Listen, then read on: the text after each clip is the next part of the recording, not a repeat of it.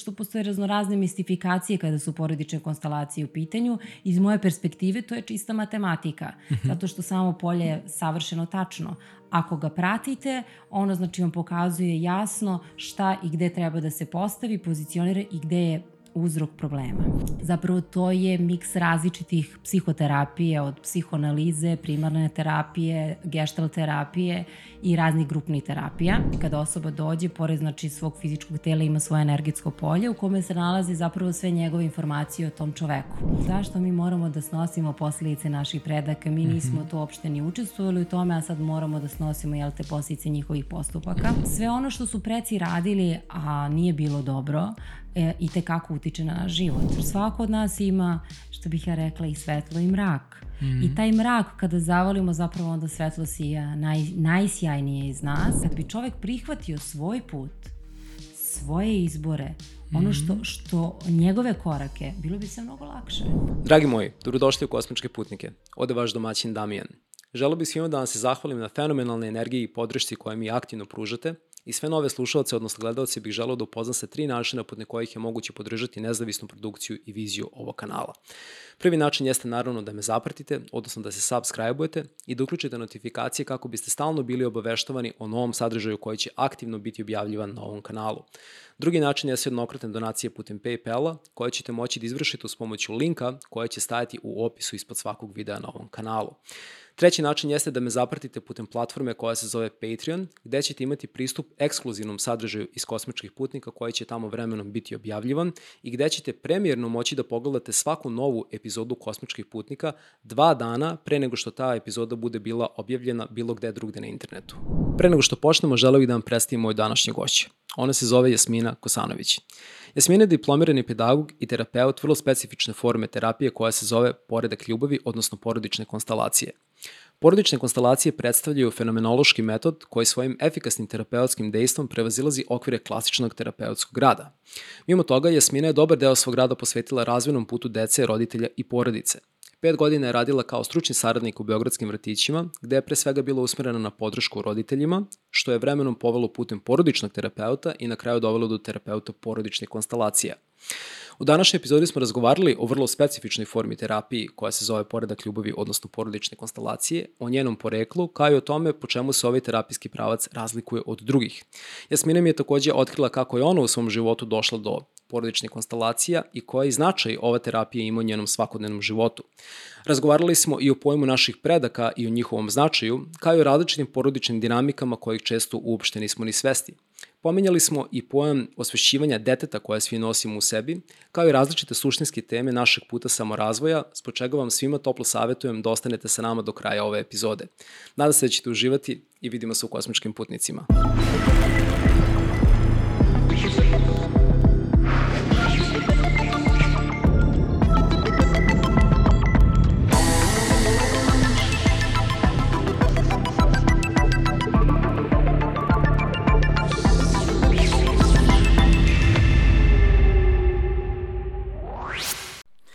Jasmina, dobrodošla u Kosmičke putnike.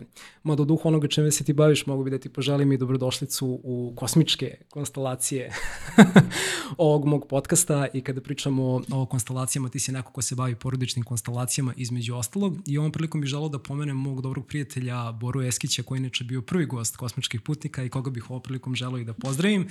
On mi još pre neke dve godine prvi put pomenuo da je bio na porodičnim konstelacijama i nakon njegovog iskustva smo se našli i on je pokušao meni da prenese to svoje iskustvo i onda smo obojica nekako shvatili da je a, porodične konstelacije vrlo teško staviti u neki intelektualni kontekst. yeah.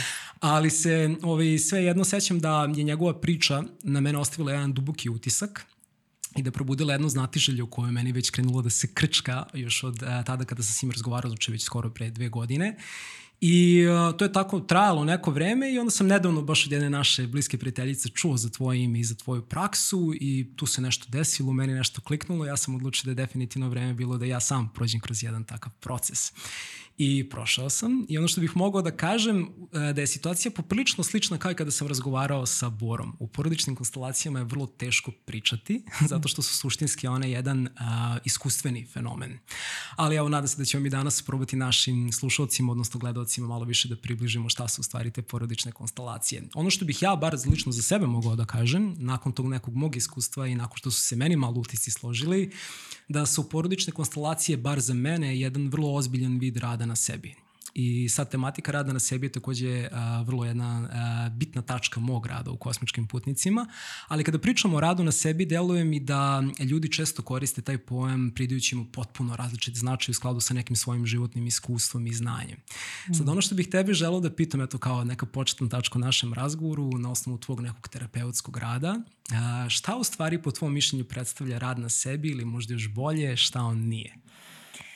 Dobar dan, Damljena, tebi i tvojim gledalcima. Veliko mi zadovoljstvo da budem u tvojoj emisiji I mene danas. Da te Stvarno, ovaj, i pre ovog nekako razgovora bih htela da kažem da naš razgovor pre nego što, što se desio ovaj intervju je stvarno bio prebogat u razmeni. E sada, ova velika priča koja se tiče porodične konstelacije stvarno jeste teško objasniti šta se tu zapravo dešava i zato uvek bolje da ljudi dođu i da iskustveno osete šta su porodične konstelacije. A da se vratim na tvoje prvo pitanje, kada, je, kada si rekao rad na sebi, Za mene iz mog iskustva rad na sebi jeste život u svakodnevnici pre svega. To znači da možemo da živimo život onako kako zapravo jeste i da ga prihvatamo sa svim njegovim izazovima. To jeste naša svesna akcija da sve ono što nam se dešava mi prihvatamo. To je najveći rad na sebi zapravo. A ono što nije rad na sebi jeste da očekujemo da će neko doći da nas spase. Aha. Da će neko doći da reši nešto umesto nas. Da će neka metoda duhovna ili bilo koja da uradi nešto umesto nas. Bez našeg aktivnog učestvovanja u svemu tome, to onda apsolutno nema smisla. Ima do, kao deo nekog putovanja, kao možda priprema da se pripremimo da se suočimo sa sobom, ali za, zapravo bez našeg aktivnog učestvovanja na svim nivoima teško da možemo da kažemo a, da rad na sebi ima a, funkciju za nas. I ono što je možda još bolje, ja nekako možda i ne volim tu reč rad na sebi, što je ne mhm. osporavam, ali ja bih pre rekla da je to um, jedan način upoznavanja sa sobom. Uh mhm. -huh. Ja to vidim kao neko putovanje gde se mi upoznajemo, rastemo i razvijamo na tome putu dolazimo do porodičnih konstelacija gde, koja su zapravo jedna vrsta grupnog terapeutskog rada. Jeste. I um, zašto sam ja nju doživao kao jedna vrsta rada na sebi? Baš zato što ne postoji pasivnost Tako je. u njima. Baš smo Tako. svi koji smo bili tamo bili uključeni u to i dalje ne mogu to ovaj da, da objasnim sebi u smislu šta se tačno desilo, ali eto dao bih tebi tu priliku u smislu da i meni i mojim slušalcima pojasniš šta u stvari predstavljaju porodične konstelacije, mm -hmm. a, koja je to forma terapije, kako je nastala i po čemu je razlika, po čemu mislim različita od, od, od određenih drugih terapija, mm. ovaj, kada su recimo grupne terapije u pitanju? A, porodične konstelacije, ja ne znam koliko će biti objektivno u ovom smislu, zato Dobro. što su meni promenile mnogo život. Poslednjih 15 godina sam da kažem, aktivna u učestvovanju i transformaciji i primenjujem porodične konstelacije prevashodno na sebi. Uh mhm. -huh. I a, kada sam došla na prvo predavanje porodičnih konstelacija, a, bio mi utisak kao zašto sam ja došla na predavanje i već se nešto dešava u polju i ja plačem sama od sebe, kao šta se tu dešava, šta je tu nešto što je skriveno, a zapravo utiče na mene.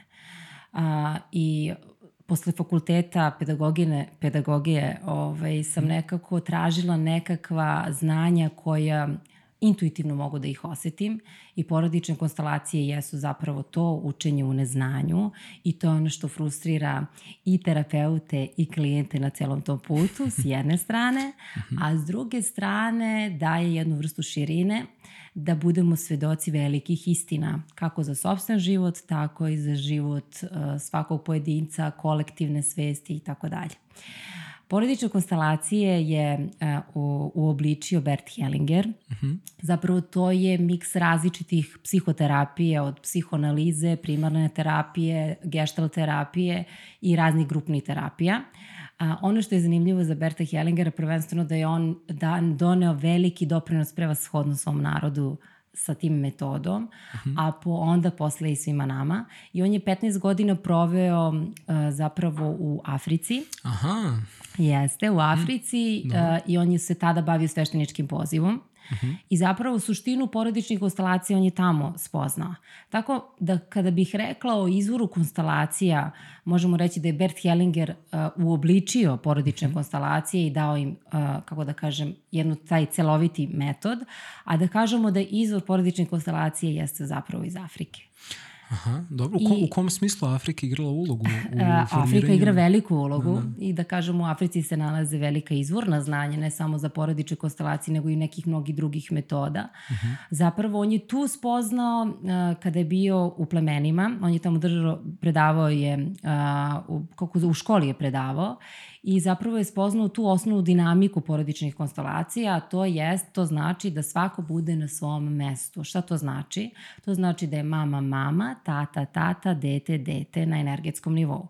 Svi mi u svakodnevnom životu kada pogledate svoju porodicu ili bilo koju drugu porodicu, rekli biste da je to stvarno tako Uh. -huh. Ali kada otvorimo energetsko polje, o kojem ćemo nešto kasnije razgovarati, uh -huh. možemo vidjeti da na nesvesnom uh, nivou često smo mi roditelji našim roditeljima, a ne zato što, ne zato što mi to želimo, nego zato što je to došlo do jednog disbalansa. Mm. I onda ja kažem kako možete da posmatrate porodične konstalacije, to vam je kao kada posmatrate, kad igrate šah. Uh mhm. -huh. I kad pomerite jednu figuru, onda se pomeraju i sve ostale figure. Tako isto, kada mi se pozicioniramo na pravo mesto u odnosu na naše roditelje, u odnosu na sobstveni život, onda i naš život nas podržava i onda smo, dobijamo znači, ono što je prirodno, to je taj vetar u leđu od, od naših roditelja uh, i od naših predaka. E sad, iz, iz ugla sagledavanja ove tematike, um, da kažem, iz ugla porodične konstelacije, zbog čega dolazi do tih disbalansa koje si upravo pomenula? Pa prvenstveno ako, na primer, majka nije imala svoju majku ili iz bilo kog razloga um, nije imala kontakt s njom, već je tu mhm. nastao disbalans u jednom porodičnom sistemu. Aha, znači, ona, znači u bukvalnom nedostatku jeste, te osobe u, u životu. Da, da, da, da, postoje da. raznorazne neke traume koje prekidaju odnose, postoje traume intrageneracijske koje zapravo, gde nastaju te blokade i zapravo kad nastane blokada, kao da prestane tok reke, odnosno uh, tok ljubavi zapravo pre, prestane da ide kao kao da je neka vrsta brane i zapravo onda sve ide u suprotnom smeru, mm. što nije dobro za nas kao pojedince sada i ovde. Da, i kada razmišljamo sad o roditeljima, seća se kad sam bio na tvom uvodnom predavanju, ti si pominjala u kontekstu porodične konstalacije jedno da se mm. pojavljuje jedno određeno polje, to je polje porodice. Yes. E sad, kada pričamo o polju porodice, da li a, to polje na neki način sada je da ovako bih poredio sa recimo poljem u geštaltu, ima neke mm -hmm. sličnosti ili je na neki način različito u smislu upravo toga što si sad krenulo da objašnjavaš? Da, polje, često spominjemo tu reč polje. Da, baš. A, baš, baš i često da, da. je prisutno i u raznim metodama i u porodičnim konstalacijama zapravo a, tu postoji više polja koje se međusobno prepliću. Prvo polje osobe, znači kada osoba dođe, pored znači svog fizičkog tela ima svoje energetsko polje u kome se nalazi zapravo sve njegove informacije o tom čoveku.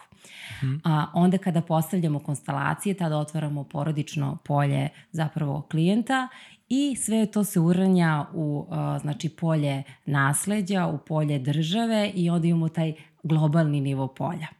Tako da mm. imamo više polja i zapravo možemo reći kada mi radimo svoj rad terapeutski, zapravo mi radimo na više nivoa nivo naših predaka, nivo klijenta u okviru njegovog predačkog, predačke porodice, onda radimo na nivou naše nacije, odnosno države i onda radimo na tom kolektivnom nivou. Tako da su porodične konstelacije zbog toga specifične, jer svaka promena koju pojedinac napravi, prvo je napravi unutar za sebe, uh mhm. -huh. a onda unutar svoje porodice i postoji mnogo brojnih primjera kada klijenti odrede svoje prve terapeutske radove i onda kao dođe i kažu Jasmina, da li je moguće da se moja mama ponaša drugačije ili kako su se desile ovako promene? Hmm. Eto, to je ta dinamika da kad mi napravimo promenu, odnosno taj korak koji je pravo mesto, a, u odnosu na našu porodicu, u odnosu na naš život, onda se sve menja oko nas. Da, to zvuči potpuno neverovatno, kao neka nevidljiva vaga yes. u kojoj prosto, ako yes. sve vreme teret stoji na jednoj strani, stalno je u disbalansu i yes. zapravo, mislim, da, da, da, li, da, li, da li bi ta analogija mogla da posluži pa, kao neko mož... vraćanje tom nekom opštem balansu u našim odnosima? Pa baš balans, balans, a možda bih ja to rekla i jedna vrsta poravnanja, zavisnosti šta se nekada desilo mm -hmm. i uh, da kažemo na nekom nivou zapravo porodične konstelacije imaju kako bih rekla, ok, jedan je plan tog ličnog našeg. A zašto mhm. sam rekla da je Bert Hellinger mnogo doprineo svome narodu prevashodno? Vi znate i kroz našu istoriju, uh mhm. -huh. naš narod je puno ratova, iza nas postoje bezbroj ratovi i imamo velike posledice toga. Takođe, znate i istoriju o, Nemačke gde je bio Hitler i posledice su ogromne. Porodične konstelacije zapravo stvarno imaju jedan veliku, veliku ulogu, a to je da se pomire neke stvari, mm -hmm. da mhm. se prihvate, da, da stvarno počinioci i žrtve, da, se im, da im se da zapravo mesto, pravo, s prihvatanjem, jer onda, tek onda mi smo zapravo slobodni da živimo ono što mi zapravo jesmo. Oh, da, da. to, to zvuči baš onako kao poprilična ambicija. Mislim, yes. sad kad pričamo o ome, upravo uveli smo već neke termine kao što je energetsko polje yes. čoveka. I sad ono što sam hteo da te pitam vezano za to, da bismo malo već ušli te neki praktičan aspekt um, samih porodičnih konstalacija. Mm -hmm. uh, kada pričamo i o polju porodice, ja nekako i, intuitivno prosto zaključujem da i polje porodice podrazumeva određenu vrstu energije.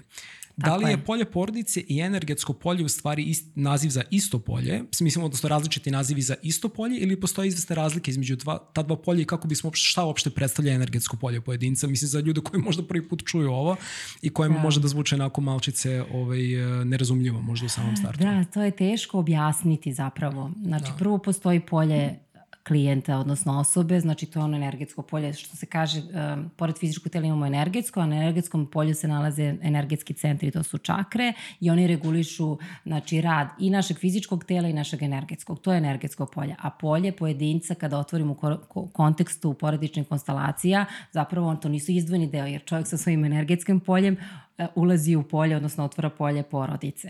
Ne znam koliko sam bila jasna, ali zapravo to nisu dva fenomena koje su, kako da kažem, razvojene, nego su međusobno povezana.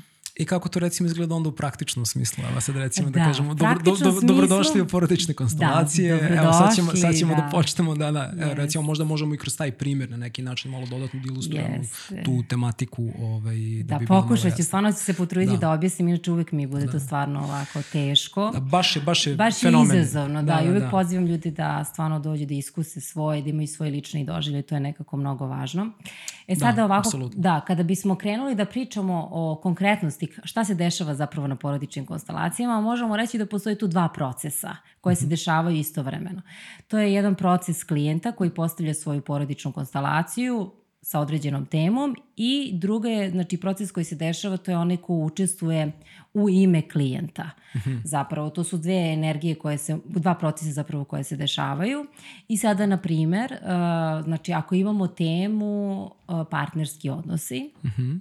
I ako klijent kaže došao sam da rešim, imam blokadu u partnerskim odnosima, onda ja njemu kažem, dobro, znači porazgovaram s njim, vidim da li ima još neke specifičnosti i uglavnom se trudimo da imamo što manje informacija, zato što nas mhm. kognitivne informacije zapravo na neki način utiču na polje i mi želimo da budemo što objektivniji, odnosno ne želimo, nego se trudimo da budemo objektivni, da smo na kraju tog polja i zapravo da budemo svedoci mm. onoga što će da izađe u odnosu na temu klijenta i sve ono što je prisutno u tom trenutku. Mm -hmm. To je jako važno. A, I onda kažem klijentu izaberi nekoga, pošto se dešava u grupi ljudi, izaberi nekoga za predstavnika za sebe i za svoju temu. I to, znači, niko ne zna od predstavnika, to je jako važna informacija. Da, da, da, da, da baš a, Da niko bitno. ne zna i da zapravo, šta se onda dešava, on intuitivno bira znači neko ko će da predstavi njega i temu uh, i postavlja ih u prostoru, zato se i zovu konstalacije, mhm. postavlja ih u prostoru tako što će u sebi reći temu, ti si moja tema ta i ta i ti si predstavnik za mene. Vraća se na svoje mesto i zapravo tada kreće rad, odnosno otvaramo nesvesni deo klijenta i njegovo suočavanje sa tom temom. I ono što je možda da kažemo a, što je možda ljudima neprijatno, uh Mhm. -huh. za razliku od nekih drugih metoda da vi imate potpuno drug, drugi način rada, jeste što vi tada zapravo se direktno suočavate sami sa sobom. Mm. I ono što ste možda mislili da je na svesnom nivou tako, onda mm -hmm. se na porodičnim konstelacijama sa nekom temom desi da potpuno je drugačije. I onda kad vi vidite sebe, da ste vi, na primjer, u kontekstu te teme tužni, da, da prosto imate neke druge emocije koje su prisutne to čoveku u prvi mah bude jako neprijatno. Mm. A, može se desiti da ima otpor, da ne može da prihvati, ali ono što je jako važno a, da, da se zna jeste da je to a, stanje čoveka mm -hmm. vezano za tu temu. Nije to njegovo generalno stanje. Jer ljudi kad otvore jednu temu, znači mi otvoramo jedan fenomen, jedan aspekt i to je naše stanje u okviru te teme. Ne treba generalizovati zapravo mi smo sad u tom stanju i to je tako. Da, zato postoji I... tema kao što si rekla jeste, za koje se izabere jeste, ovaj, jeste. Zato taj se koji tako radi. fokusiramo se zapravo uh -huh. na taj način. E sad, to je otprilike to. Onda znači, kada se otvori, onda se prati polje. E to je sada već nešto e, što ja... ja... onda kreće magija. Jeste. onda kreće, da, da, da, onda kreće zapravo iz moje perspektive mm. je nešto što se zove polje znanja uh a, i to je velika čast za svakog terapeuta koji se bavi ovom metodom. Ali stvarno čast i uvek iznova i iznova vežbam to mesto poštovanja a, polja i svega onoga što se tada u tom trenutku spusti. Ne samo ono što je značajno za samo klijente, nego to je polje ogromnog znanja gde stvarno dobijemo raznorazne neke uvide koji su značajni ne samo za, za klijente, nego za sve ljudi koji su tu prisutni taj neko ko je ko radi svoj rad, eto da je nazovemo tako, kada uh -huh. a, pošalje svoju nameru u učesnike kroz koje on kasnije treba da vidi manifestovanje te određene problematike, da li on može u toku sad jednog tog emotivnog oslab, oslobađanja do kog nužno dolazi kada on vidi manifestovanje tih određenih a, tematika uh -huh. koje on projektovao, da malo preusmeri tok u smislu da li može da zaustavi na neki način proces koji je krenuo? Mm -hmm. Dobro pitanje. A, ono što ja govorim ljudima što se dešava, zapravo ljudi pre nego što postave svoj rad, oni su u procesu. I ono što se dešavalo, aha, aha. dešavalo, znači oni već krenu da rade. Zašto? Znači naš najsvesni deo, kada oseti da će da, na bilo koji način a, zapravo da bude izložen, uh -huh. on počne da pruža otpore. Upravo, upravo zbog toga sam i pitao. Zato što da, da. je to jedino što mi verujemo na neki način, to je nešto što nas čuva, to je ono gde se mi osjećamo sigurni, kako -huh. god to bilo uverenje i šta god da stoji iza toga i zapravo onda se jedan sistem zapravo uzbudi na neki način i osjeća to kao jedan alarm da će nešto da se desi, da će da nestane. Uh -huh. I zapravo tada ljudi već kreću u proces. Moguće su manifestacije i na zdravstvenom nivou i na emotivnom nivou, čak ljudi ono ne mogu da dođu iz raznoraznih razloga i ja uvek ljudima pre nego što dođu kažem da prosto je to moguće i pre, a i uh -huh. posle. E, to je sad jedan od tih prvih, kako da kažem, dešavanja kojih moguće. U toku rada, već kad čovek sedne na stolicu, on već je, znači u samom procesu, on nema, kako bih rekla, može na bilo koji način da blokira, ali mm -hmm. tu sam ja da kažem, opusti se, jer si spreman, nije spreman. Mm -hmm. Tu ima, znači, raznoraznih nekih, kako da kažem, finesa koje se osete u polju. Međutim, već kad je čovek seo zapravo da postavi svoju temu, on je zapravo spreman da pogleda i ono što je možda značajno da kažem, da polje neće ništa otvoriti za što čovek nije spreman. Aha. Zato što polje ima tu samo regulativnu funkciju. Šta to znači? Znači da on na neki način štiti klijenta.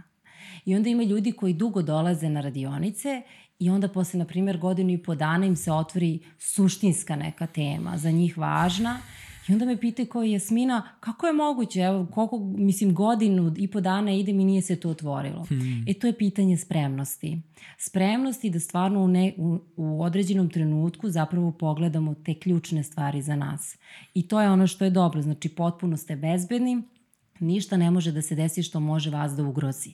To je ono što je jako važno, zato što su to to, to je jedan, jedan okvir zapravo u kojima se dešavaju određene stvari gde ste vi bezbedni. I to je isto jako važno zato što postoje raznorazne mistifikacije kada su porodične konstalacije u pitanju. Iz moje perspektive to je čista matematika, -huh. zato što samo polje je savršeno tačno.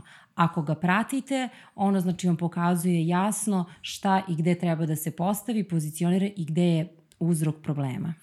I divan je taj akt poverenja koji postoji među svim tim ljudima. Sećam se ja kada sam bio baš na toj radionici, sad uđem to kako ne znam te ljude, ko prvi put vidim te ljude u životu.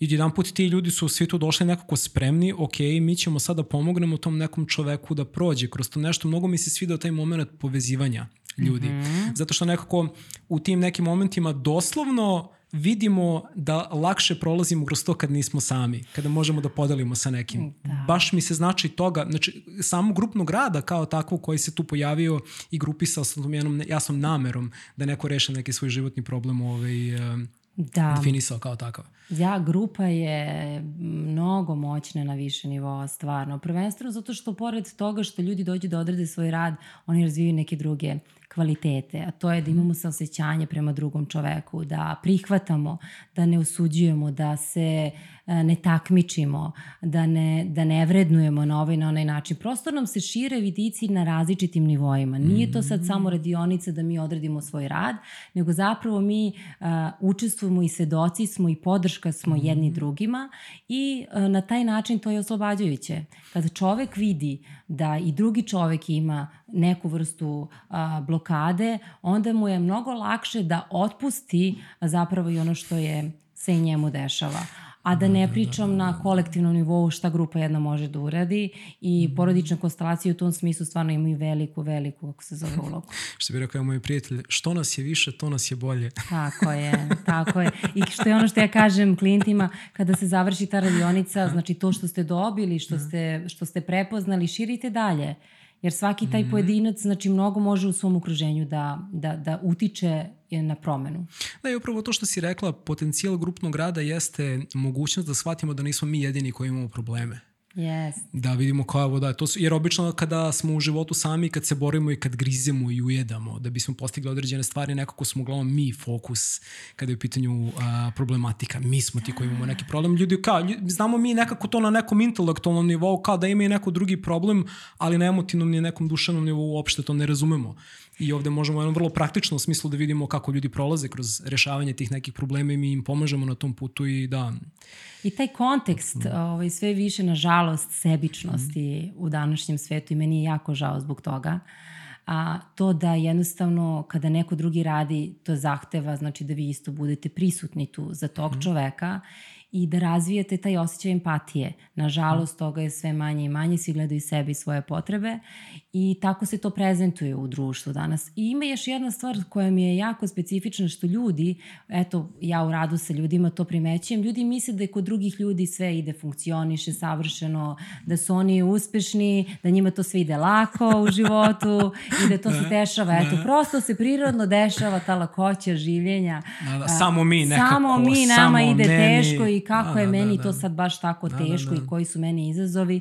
Zapravo svako od nas prolazi kroz put i zapravo na porodičnim mm. konstelacijama možete da vidite različite priče mm. različitih ljudi, a moje veliko je zadovoljstvo što sam svedok ljudske transformacije, jer to je najveći blagoslov koji sam ja dobila u ovom životu. I kako si se ti našla prvi put u porodičnim konstelacijama, to mogu da kažem tako. Kako si, ka, mm -hmm. ka, kako si prepoznala uopšte moment da ćeš ući u tako nešto i da. razvila interes ka tako nečemu? Dobro pitanje, baš. A, pa Za porodične konstelacije ja sam prilično ceo svoj život intuitivna. -hmm. Znači, od kad sam bila mala i jesam bila drugačija u odnosu na, na, na tadašnju decu, ne u smislu specijalna po nečemu, nego da sam imala neki svoj izgrađen svet i da sam osjećala više nego što su možda osjećali drugi. -hmm.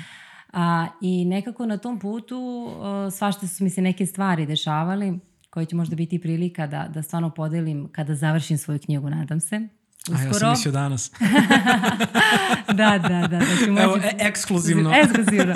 Da, bili su razno razna neka iskustva. Prvenstveno, ovaj veliki uticaj naravno su imali moji roditelji. Mhm. Ja sam, rani, ja sam rano izgubila svoje roditelje. A, znači, sa 19 godina mi je umrla majka, posle dve i po godine otac. Mm. I zapravo to je za mene bio jedan veliki veliki, veliki preokret u mom životu. A zapravo za konstelacije sam prvi put čula kada je mama bila bolesna. Gledala sam uh, časopis Živeti zdravije, tako mislim da se zove, i videla sam tu da postoje neke porodične konstelacije i mami sam tada pričala, pošto sam upisala pedagogiju, zanimalo me sve što se tiče porodice, roditeljstva, dece. Uh, pitala kako bi ovo bilo dobro predavanje da odem, ali nikako nisam mogla i tako se nekako to odlagalo. Posle se desila smrt oca i prolazak sa njim zapravo kroz taj celokupni proces i nakon toga bukvalno sam onako pogledala opet u časopis i rekla ja idem na ovo predavanje. Hmm. I zapravo tu kreće moje putovanje, odnosno stvarno jedan veliki, veliki put transformacije i ogromna podrška da sve to što se meni dešavalo u životu hmm. do tog hmm. trenutka pa onda tek nadalje kreće zapravo moja lična transformacija. To je ono kako sam ja upoznala porodičnu konstelaciju. Umeđu vremenu sam naravno kao i svaki tragetelj i putnik kako bi ti rekao, ovaj, uh, isprobavala raznorazne tehnike uh mhm. -huh. i rada na sebi. Ne mislim da samo porodične konstelacije, mislim da i, i, i, i uh mhm. -huh. različiti metodi a, mogu da dovedu do različitih nekih, kako da kažem, transformacija, ali porodične konstelacije je nešto što je sve obuhvatno, jer se one bave, znači, i porodičnim, nesvesnim, i predačkim, i karmičkim, i raznim duhovnim aspektima. Zato mislim da sa aspekta tog su sve obuhvatne i, i ono što je možda, kako bih rekla, značajno, jeste da je to fenomenološki metod. Šta to znači? Zapravo vi kroz polje čekate kroz fenomen određeni da se desi suština toga. Mm -hmm. U praktičnom smislu mi čekamo istinu, mi nemamo kognitivnu, moralnu, vrednostnu ili bilo kakvo pređešnje znanje o nečemu, nego dozvoljamo da se to desi i da bude i prihvatamo to tako kako jeste. -hmm. I s tim u vezi, kod koga si prvi put bila na porodičnim konstelacijama? Mm -hmm. Tvoje prvo iskustvo porodične moj konstelacije? Učitelj, baš da, tamo. moj učitelj porodične konstelacije jeste Vlada Ilić i mm -hmm. veoma sam ponosna na to i zahvala na celokupnom putu a, učenja a, edukacija a, kod vlade je trajala sedam godina za mene. Za mene. Ja, to, Kažem, ina, to inače traje nije to? Inače, Aha, okay. Nije inače. A, u principu traje negde oko četiri godine. Aha. Međutim, ono što je meni bilo značajno i dobro na tom putu jeste da ja u početku nisam ni znala da ću da se baviti porodičnim konstelacijama. To je meni nije bilo ni na kraj pameti. Ja sam krenula hmm. prevashodno zbog svog ličnog rasta i razvoja, a umeđu vremenom se to prosto samo od sebe razvilo. Uh -huh. I zapravo to je ono što mi se ne nekako i svidelo kod njega što ja sam diplomu dobila onda kad sam ja bila stvarno spremna za to. Znači nije poenta da vi zadovoljite samo, a, kako bih vam rekla, neku formu koja treba da se zadovolji, nego je ipak važno da vi budete stvarno spremni za ovo putovanje koje je jako veliko. Mm -hmm. I mhm. ne mislim kada kažu, uglavnom kažu svako može da radi porodične konstelacije, ja se s time slažem sa jednog mesta, a s drugog mesta se ne slažem, prevashodno zato što mislim da morate da imate prvo i određeno iskustvo životno, mm -hmm. i određene uh, pozadinu iza sebe, znanje i da budete spremni na doživotni rad na sebi. Da li nekad osjećaš, e, recimo sad na primjer uđeš u kafanu i tu sad sede neki ljudi, da li mm -hmm. kroz prizmu rada sa ljudima osjetiš nekad i neko drugo polje koje postoje među ljudima da ga oni nisu ni svesni, recimo na primjer. A, svašta osjećam. Jer bukvalno, da, jer to su sad, mi konkretno u porodičnim konstelacijama došli smo tu sa određenom namerom, ali mi često deluje da mi naše namere nesvesno projektujemo na svakodnevne situacije u našem životu i baš me zanima kao neko ko se time bavi, da li nekada uočeš određene paterne po kom ljudi funkcionišu sa aspekta rada na porodičnim konstelacijama, a da su opet u svakodnevnom životu. Postoje neki paterni, ali ne mogu da kažem, meni je svaki put novo iskustvo sa svakim mm, čovekom, zato što nema toga kao da kažem te neke jasne strukture, da kažem, e sad ako je ovo, onda je to. Ja uh, nekako imam svoj način i svoj kanal, kako god to da nazovemo, koji mi je dat stvarno uh, i prosto osjećam ljude i dugo godina mi je trebalo vremena da naučim kako kad uđem u kafić ne osjećam sve ljude koji su oko mene i to je stvarno mm. jedan veliki izazov, jer onda da, da, prosto da, da, da. osjećate polje svake osobe, da, da toliko da, da, da, ste senzitivni i zapravo onda ne možete se opustiti da uživate. Da, zato pitam jer baviš se time da naučiš sebe da osetiš bolje, da bi pomogla ljudima i onda baš kao kako tu sad postaviti neke granice kao kako yes. da ok, sad kao neću da primećujem neke stvari koje su nekada poprilično očigledne. Da. Pa, uh, nauči, vremenom da, se uči i još uči. Mislim, to je jedan dugotrajni proces učenja kako zapravo mm -hmm. da a, kako zapravo znači da ne osjećate i da se ne uplićete isto takođe, to mm -hmm. isto mhm. jako bitna stvar. Znate, ja mnoge stvari vidim mm -hmm. i to mhm. nije sporno, ali ja nemam pravo da pričam o njima, dok da, mi da. neka osoba ne da, znači ne pita me za to, a druge stvari, znači ne možete se mešati u, u sudbinu čoveka mm -hmm. i to što vidite neke stvari unapred nemate pravo da pričate o tome, jer ne urušavate nekome put i iskustva koje su neophodne da on prođe a, da bi mogo da dođe do te spoznaje. Jer mm -hmm. zanimljivo je jedan divan učitelj na mom putu, to je učitelj prana healinga gde sam se ja prvi put uh, stupila sa pranom, to je Aleksandar Jovanović i želim da ga pomenem ovim putem. Mm -hmm. Često mi je govorio određene stvari. Postoje tri, četiri rečenice koje su bile ključne. Mm -hmm. Ja ih u tom trenutku um, nisam razumela, moram iskreno da budem da nisam, ali kako je vreme odmicalo, te rečenice mi se, mi se javljali baš u ključnim trenucima.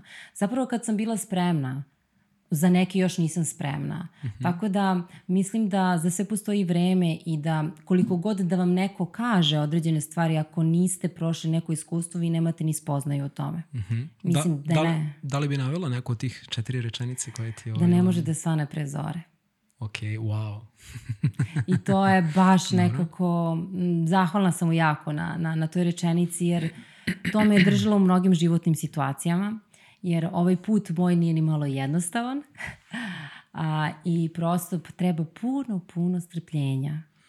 Puno strpljenja a, i a, da kažemo da neke stvari se stvarno u životu dešavaju kada je pravo vreme za to. Postoje ciklusi, postoje a, kada je vreme za određene stvari i nama je to jako teško da prihvatimo. -hmm. Prvo i meni je to bilo teško da prihvatim, a s druge strane isto jako da prepoznate šta je ono za što imate potencijal u određenom trenutku u svom životu. To je isto jako važno. Kada vi forsirate nešto, da sad hoćete to i ništa više, mm -hmm. a, zapravo onda je taj cilj veći od vašeg života i onda to postaje destruktivno za vas. Mm -hmm. Onda vi postajete žrtva zapravo vaše želje, vaše ambicije i vašeg cilja. A onda je pitanje koliko zapravo pratite svoj put odlična tematika mm -hmm. i s mhm. njom u vezi imam jedno vrlo bitno pitanje. Recimo, ja sam iskusio na sobstvenom projektu, recimo kosmičkih putnika, kada sam ga pokrenuo pre godinu i nešto dana, da bukvalno nije bilo vreme projektu. I pokrenuo sam ga sad ponovo pre nekoliko meseci um, i pitanje je, naravno uspešno, došlo je vreme. Ali sve jedno, i tokom jednog i tokom drugog perioda postoje napori, u smislu kroz koje moramo da prođemo. Tako je. Na koji način misliš da Uh, odnosno, da li bi mogla da napraviš diferencijaciju između napora koji nam šalju poruku da nečemu nije vreme i između napora koje nam kažu vreme je, ali moraš malo da se pomočeš? Da, dobro pitanje i uvek konkretno od strane tebe. Pokušaš da nađeš neku prečicu, očigledno.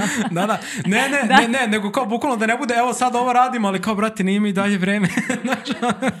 A kako ćemo znati da je zapravo za nešto vreme? Da, e pa upravo to, jer kao na kraju krajeva ja intuitivno sam se povezao s tim što si rekla, kao ne može, ne može da svane prezori i to je zaista tako. Ali kao opet s druge strane imamo taj moment napora gde jednostavno nešto kad radimo iziskuje taj napor i onda ljudi vrlo lako mogu da se obeshrabre i da kažu kao ja ne mogu, evo nije mu vreme, možda će jednog dana biti vreme, a jednostavno će uvek postati neki napor kroz koji mi moramo da prođemo kad je određena tematika u pitanju. Zbog yes. toga sam pitao jer mislim da meni recimo na mom putu to pitanje je bilo ključno, ono kao popričao sam se pomuče za neke stvari i onda uvek dolazim do, do, do te jedne mm. tematike kao da li je sad zaista tome vreme. Ima tu više aspekta kako posmatramo da. to vreme. Da. Jedan od tih je znači da mi možemo možemo sami sebe da sabotiramo. To je mm. jedan od bitnih stvari. Znači, a to, to je mnogo važno da čovek, kako ćemo da to saznamo? Tako što ćemo da potražimo pomoć negde i da pogledamo da jedna od njih jesu porodične konstelacije, a može i nešto drugo, da vidimo da li na neki način, na nekom nivou zapravo mi sabotiramo sami sebe. To je ono što o čemu ti sada pričaš jest, i, jest, i, i ti, ti saboteri odlično. su znači onako ko mogu polaziti iz različitih segmenta naš, mm. nas, jedan, jedan je ta, to unutrašnje naše dete i naše iskustvo iskustva zapravo koje, koje imamo u detinjstvu, mogu postojiti duhovni aspekti, mogu postojiti karmička iskustva, znači ima puno stvari zapravo koji utiču na taj pravi trenutak. Mm. Ali to što se pomučimo, mislim da je to jako značajno, da je zapravo to temelj a, svega onoga što radimo. Ne kažem da mora sve da ide kroz muku, ali zapravo je jako važno da prođemo kroz ličnu transformaciju. Mm. To je ono što je kao kada zidamo kuću, to je zapravo jedna vrsta temelja koje gradimo. Da, to je uh, Vladan Velimirović, koga, kojem je bio drugi gost, ovaj zen monah, jako divno opisao kroz određene postulate, konkretno zen budizma, koji kažu da postoje dve vrste patnje, ona koja vodi tome da sve patnje prestanu i ona koja vodi tome da patnje produži. Tako da te patnje, uslovno rečeno, kroz koje prolazimo su zapravo trenja, kroz koje mi nekako sazrevamo, stičemo neka nova znanja, postajemo jače, to definitivno ne treba bežati, ali da, jeste vrlo... A, to su neke male smrti, ja to tako nazivam. Da, to su ciklusi da, da, da vi jedan deo vas se zatvara, jedan deo vas se otvara novi i na neki način ja to nekako vidim, zapravo nisam ja u skladu sa terminom promena. Mm. Kao mi se menjamo. Ja ne mislim da se mi menjamo. Ja mislim da se mi oslobađamo da živimo ono što mi već jesmo. Samo u stvari uklanjamo prepreke yes. koje nas na tom putu yes. sprečavaju. Da, to je zapravo sjajan način da se na to gleda. Um, dovodi me isto sad to do jednog pitanja, vratio bih se malo na tematiku porodičnih konstalacija, Naravno. pošto smo već krenuli da uvodimo određene uh, pojmove, recimo predaka ili deteta u sebi. Da. Baš sam sa Nikolom Jurišićem, uh, koji je nedavno bio moj gost, pričao o značaju predaka kao i o nasledđu koji mi hteli ne hteli od njih dobijamo. Da. Pošto u porodičnim konstalacijama preci definitivno igraju vrlo bitnu bitnu ulogu. Jest. A, ono što bih tebe sad želeo da pitam je, u stvari, sa aspekta nekog tvog rada, a, koliko nas preci zaista određuju i koliko smo uslovljeni njihovim nasledđem? Mm, da, pa preci nas baš određuju. A, primer prvi za to je, mogu da kažem da ja ovde sedim i pričam s tobom o, o, o ovoj temi zato što ja iza toga, iza mene znači zapravo jes, jeste stoji jedna predačka linija i sva ova znanja koja dolaze kroz porodične konstelacije, one koje su me pozicionirali danas ovde, jeste upravo to nasleđe, odnosno zadatak koji ja jesam dobila od strane svojih predaka. Preci nas mno, u mnogo čemu određujemo. Ono što ljudi često a, ne vole to je da kažu zašto mi moramo da snosimo posljedice naših predaka. Mi mhm. nismo mm -hmm. to uopšte ni učestvovali u tome, a sad moramo da snosimo jel, te posljedice njihovih postupaka. Mm -hmm. I u tom smislu i uvek kažem da mi dobijemo ceo paket dobijemo i one dobre osobine predaka, dobijemo sva njihova iskustva i znanja, a isto tako dobijemo i sve ono što oni nisu radili što je bilo suprotno ili protiv života. A, tako da sve ono što su preci radili, a nije bilo dobro, e, i tekako utiče na naš život. Primer za to je znači da postoje raznorazne traume kod naših predaka. Ajde da krenemo kao možda najpraktičniji primer, na primer egzistencijalni problemi. Mm pa čovek, e, iako radi u ovoj ravni sada, znači puno radi, ali stalno se vrti u jednom začarenom krugu i zapravo ima probleme sa novcim, iako je preduzeo sve mere što je mogo, ali na energetskom nivou zapravo on ima jednu vrstu blokade. I šta se dešava zapravo kad se otvori polje? Znači mi nikad ne znamo napred šta, ali jedan od primera se dešava na primer da su preci ostali dužni nekome život Mm. Sami znamo da kroz istoriju su oni ratovali, u tom ratu su isto ubijali nekoga. A, zapravo mi nemamo pravo nikoga da lišimo života. Mm -hmm. Svako ko stekne jednom pravo na život, on ga ima do kraja. Kada nekoga lišimo na energetskom nivou živ, pravo na život, onda se dešava disbalans, zapravo smo se suprotstavili zakonu koji je veći od nas i onda snosimo posledice. Pa onda a, zapravo potomci a, vraćaju dugove svojih predaka, a to je ono što posejete, to ćete da požanjete. Tako da je jako važna svest o tome šta zapravo sa našim delovanjem svakodnevnim, zapravo mi ne utičemo samo na naš život, mm -hmm. mi utičemo na život posle nas koji će da dođe. I u kom smislu nam porodične konstelacije pomažu u otplati takvih jezivih mm -hmm. dugova, recimo, na primjer, koji si sada upravo definisala? Jeste, pomažu puno prvo zato što se konstelacije imaju mogućnost da se vrate u tu vremensku instancu. Aha zapravo Dobro. trenutak kada se desio taj događaj, da se prihvati taj događaj, da se prihvati i žrtve i ubice hmm. i da se zapravo uh, potekne ljubavi, odnosno jedna vrsta pomirenja na tom energetskom nivou da bi potomci bili posle slobodni i oslobođeni i da oni ne bi morali da snose te posledice. Da, i konflikti koji, do kojih je dolazilo, jer da nekad ne mora nužno da bude samo ubistvo, mogu verovatno Ne. da bude neki konflikt i tenzija koja je postojala recimo između dva klana ili ovaj, Plemena. plemena. Da, Jeste, da, da. tu može biti pitanje nasledđa, zemljišta, Mhm. a, raznoraznih nekih partnerskih odnosa, znači isto imamo primere velikih neostvarenih ljubavi. Vi znate kako su nekada ljudi se spajali o, u, kao parovi, znači oni su, dve porodice su se dogovarale oko toga, a Mhm. umeđu vremenu se desi da jedan od članova se zaljubi u nekog, pa da nema pravo na to. Tako da to su sva neka iskustva i uverenja koje mi zapravo nasleđujemo od naših predaka i zapravo smo lojalni. Mi kao biće imamo potrebu da budemo, da pripadamo negde. Da pripadamo našim roditeljima, da pripadamo precima, da pripadamo društvu. E sad, na koji način smo lojalni? Možemo da budemo pozitivno lojalni, a to je znači da napravimo transformaciju i iskorak u odnosu a, na neke uverenja koje nisu bila dobra, s aspekta naših predaka, a ako smo lojalni na taj način što u većini slučaja jesmo jer ne znamo drugi način, da sledimo sudbinu naših predaka, onda to može da bude jako destruktivno za nas, za našu porodicu, za naš život. I kako sad, na primjer, recimo neki čovek koji ima recimo za temu rada u porodičnim konstelacijama otplatu potencijalnog duga svojih predaka, kako on zna da je zaista se taj proces završio, da je zaista to nekako se izmirilo? Da li postoji nešto što on bukvalno krene da oseti kasnije tokom svoga života? Mislim, kako uopšte, kako uopšte možemo da razvijemo jedan jezik komunikacije kad su u pitanju jedni takvi fenomeni koji su vrlo teško merljivi u bilo kom nekom nama sa trenutno dostupnom smislu. Pa u najviše su merljivi u smislu materializacije onoga što radite. Aha, aha. To je znači, na primjer, jedna tema može da bude egzistencijalne prirode, zapravo i to da bude samo jedan sloj, a da, na primjer, u nekoj drugoj temi dok, dotaknemo sasvim, na primjer, da radi odnos sa mamom klijent i da zapravo tu suštinski res, reši neke stvari. To kako funkcioniše polje, kako možemo da ga uhvatimo, to je prosto nemoguće egzaktno objasniti. Neki put se dešava zapravo stvarno da sa određenom temom se završi taj celokupni proces koji traje narednih od rada, kada se odradi terapeutski rad, traje 30 do 40 dana.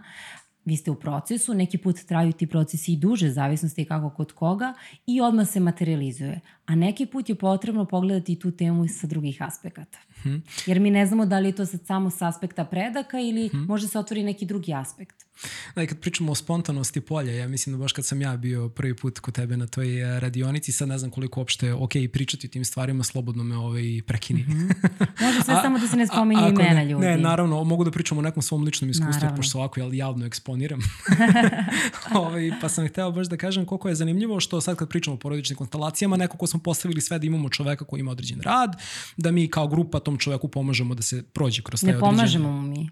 Aha, ok, hvala na ispraci. Ne pomažemo, nego i mi sudjelujemo i radimo na svoje temi, ali smo, da kažem, svojim prisustvom E, svedoci. upravo to. Ja sam ušao u cijelu priču misleći, ok, ja ću sad da pomognem ovom čoveku i onda sam samo odjedan put ja shvatio da se nekako težište prebacilo na mene u određenom smislu, gde sam ja krenuo da osvećujem neki deo u vezi sebe kroz prizmu rada čoveka koji je zapravo tog dana imao temu. I to mi ono bilo, aha, ok, ovo znači funkcioniše i ovako. Apropo spontanosti polja i kako može stvari u nama da krene da različite stvari. Da, i ono što je zanimljivo, to je ono što smo rekli na početku, da postoje dva procesa koji se zove. Mhm. Jedan je klijenta, drugi je uh, proces predstavnika. Aha, e, to, to, to. I Da, tu da, je da. možda bitno da spomenem, zato što ljudi imaju tu tendenciju da misle da a, kada vi postavite neku ulogu, ta energija tog čoveka prelazi na njega. Ne. U njemu se zapravo aktivira a, zapravo i njegove neke teme koje imaju sličnosti sa samim klijentom. I kada se završi tema i kada pitamo ljude koji apsolutno nisu imali nikakvu informaciju o tome, da li oni imaju a, istu tu temu možda na kojoj treba da radi, u 99% slučajeva se pokazala kao tačno i onda kao ljudi, ljudima je prosto fascinantno kako sam ja izobrao baš tog čoveka, pa prosto mi je nevratno, pa mi imamo iste kao priče i veoma slično. To je, to je ta, da kažemo, misterija a, kako polje funkcioniše zapravo tog nesvesnog i intuicije.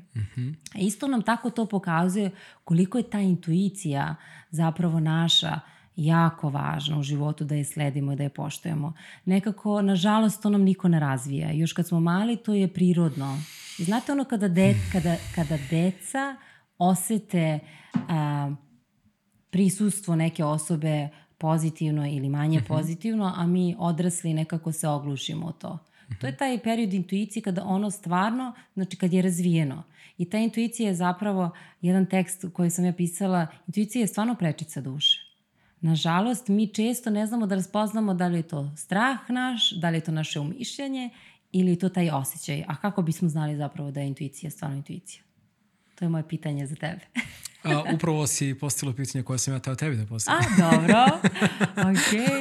Onda ću dati... Ove, da, da, vidi kakav ka, kakav sam ono političar. Ne, naravno, a, pitanje intuicije je jedno ogromno pitanje za, i ti si jedan jako lep tekst napisala na svom sajtu vezano za intuiciju mm -hmm. koju ću ostaviti u opisu ovog videa, kao i sve ostale stvari o kojima ćemo pričati i na koje ćemo ovaj, se osvrnuti kao u nekom smislu reference.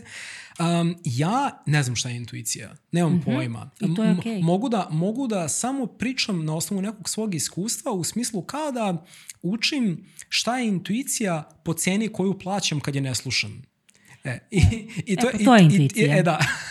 ja, ja, tako, ja tako mogu da je definišem trenutno na sebi, zato što uh, upotrebila si određen uh, možda opis glas. Definitivno dolazi kao neka vrsta glasa, kao neka opomena. I mnogo je, uh, ne nekada preterano, ali je nekada par stotinki brža od intelekta ja tako imam utisak, gde bukvalno dođe prvo kao ovo je ne ili ovo je da i onda aha, ali je da zbog toga zato što ovo, bukvalno osjećam kako se na nju nakalemi intelekt I sad onda nekada nisam siguran, mislim da, da bi mogao jasno da je definišem. Mogu bi da je definišem kao neki glas, kao neku opomenu, kao neki e, savet koji osetim duboko u sebi. To je baš to. I, ovaj, i naravno, kao što rekao, ovaj cenu koju plaćam kada je, kada je ovaj neslušan. Svi mi plaćamo cenu, da, da. nažalost, zato što nismo ta, taj resurs koji zapravo svako od nas ima, zapravo da. niko nas nije razvijao tokom školovanja, nego nažalost samo intelekt, što ne kažem da je loše, uh -huh. ali mhm. zapravo to je jedan veliki vodič zapravo za svakog od nas. Uh -huh.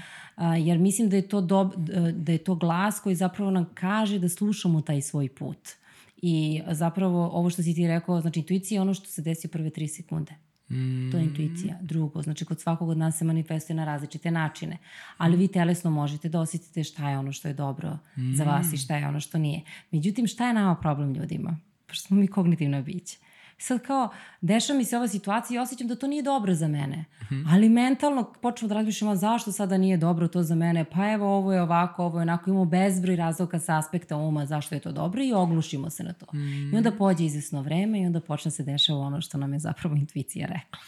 Da, i, on, i tu opet ulazi ta problematika tog napora, odnosno trenja, jer nekada nam je možda intuicija nešto rekla da je dobro da uradimo, ali osjećamo napor i onda mislimo da sebe sabotiramo, u stvari je samo napor koji mora da se istrpi. Baš I mislim tako. da, da je na to vrlo teško e, naći jednu vrstu univerzalnog odgovora.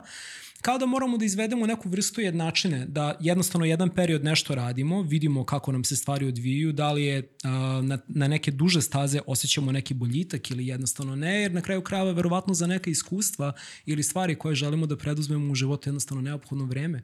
Ne možemo baš tako lako odmah da skontamo da li nešto za nas ili nešto nije za nas. Kao da nekada moramo malo da se otvorimo, oh, da iskoračimo da. u to jedno polje rizika, mm -hmm. možemo tako da kažemo. I uh, zahvaljujući intuiciji, možda ćemo žešće da se opečemo, ali na kraju krajeva probali smo, otvorili smo se i onda razvijamo tu naviku da stalno se otvaramo ka tom nečemu, ka tom jednom iskora, iskora, iskoračivanju u to Jeste. nešto što je potencijalno nepoznato. Ali intuicija je isto jako vezana sa slobodnom voljom.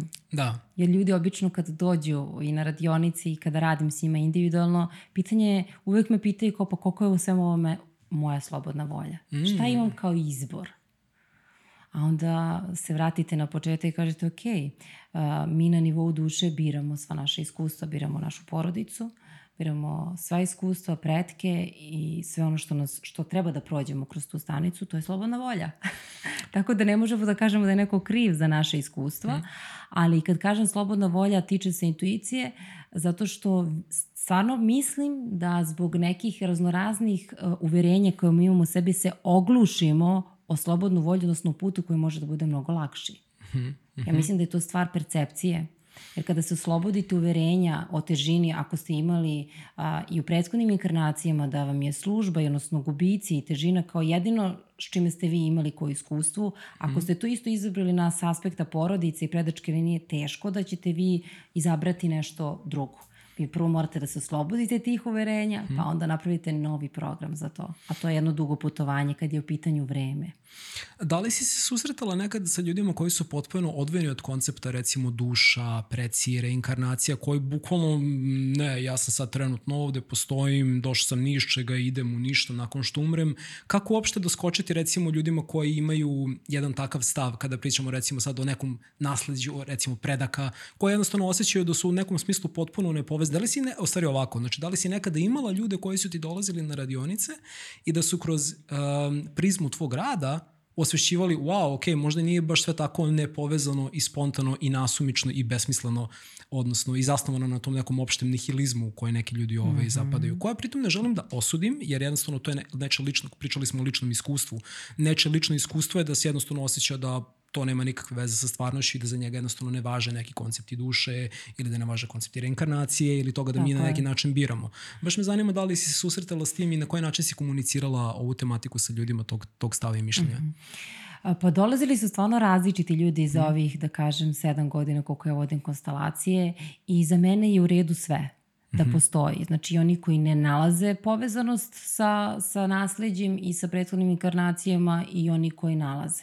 Ono što je znači istina, to je da mi nismo nastali ni iz čega. Mm, znači da. svako mora da ima neki koncept u odnosu na, na šta je on Čak nastao. i da koristimo samo intelekt. Eto, samo intelekt da koristimo. Tako je, čak, čak i da koristimo samo intelekt, to je ono što je pozicija. Mm. Nisam imala, jer zato što porodične konstelacije već u startu zahtevaju ljude koje, koji moraju da imaju jednu tu vrstu otvorenosti mm -hmm. i spremnosti mm -hmm. da vide mm -hmm. određene stvari, ne da poveruju u to, znači ne da veruju nužno, ali da budu otvoreni da sagledaju sebe s različitih aspekata. Mm -hmm. Ali sam imala ljude koji dođu prilično onako zatvoreni, rezervisani I onda kako vreme odmiče, znači ne mhm. odmah posle prve radionice, ali posle druge, treće, počinju da imaju takvo osvešćivanje sebe, da su mm. potpuno onako zabezeknuti. Mm. Eto, to sam imala kao iskustvo. Znači, da ljudi kako vreme prolazi, oni, oni prosto su o, fascinirani sa svojom spoznajom unutar s čim su oni povezani, s čim, šta ima u njima, koji su to koncepti, šta ima to lepo. Nije to sad samo on, da se na porodičnim konstelacijama bavimo samo sa izazovima, a, blokadama. Mm -hmm. Te blokade nužno... Dobro, je dosta bitna poenta, baš da, mi je drago što si nju se da, Da, nužno dovodi do upoznavanja, odnosno oslobađanje tog bogatstva. Zato kažem da sam, na početku sam rekla da sam privilegovana što se bavim ovim metodom, zato što imam mhm. priliku, uh, stvarno priliku, veliku priliku da budem svedok lepote svakog čoveka koja je jedinstvena i neponovljiva. Mm. I sad je na tom putu samo da ljudi počnu to da žive. I svaki čovjek je jedinstven za sebe. I to je ogromno bogatstvo. Ogromno bogatstvo samo da ljudi u to poveruju. Znači to nije neka imaginarna priča.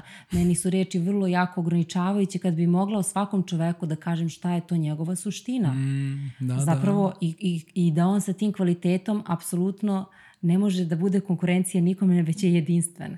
I mm. veoma značajan za, za ovaj život i zato kažemo sad kogod šta god smatra da je Bog, ali taj deo ne, nekog e, dela jedinstva koji svaki, svako ima kao pojedinac je, je stvarno veliko bogatstvo. I svaki čovek je bogatstvo. Kako u našem okruženju, tako i, uh, i na porodičnim konstelacijama. Znači, mi smo jedni drugima ogledalo i zapravo kroz kontakt mi zapravo otkrivamo i sebe mm -hmm. i druge, kao i ti i ja sad kroz ovaj razgovor. Pa da, i nema u tome nikakve vere. Mi smo tu.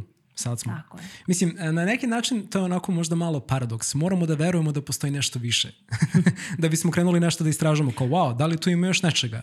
Ove, ovaj, ali je mm. stvari trenutnog iskustva i da se kroz trenutno iskustvo nama otkriva šta u stvari tu još ima. Ja ljudima kažem da ne moraju da veruju. Da, da, da. Dođite Zašto? proverite. Dođite da, proverite. tako je. Ne, da, da. ne nije nužno verovati. A, a, ono što je važno jeste prihvatanje. Znači, prihvatanje mm. i lično iskustvo. Nekako... A, Mm. Ovo je vreme kada postoji, kad sve više i više ima različitih metoda i različitih terapeuta i različitih učitelja i iscelitelja i nekako uh, moje neko viđenje celokupnog puta jeste da se čovek vrati sebi, odnosno se vrati to neko njegovo poverenje u njega samog.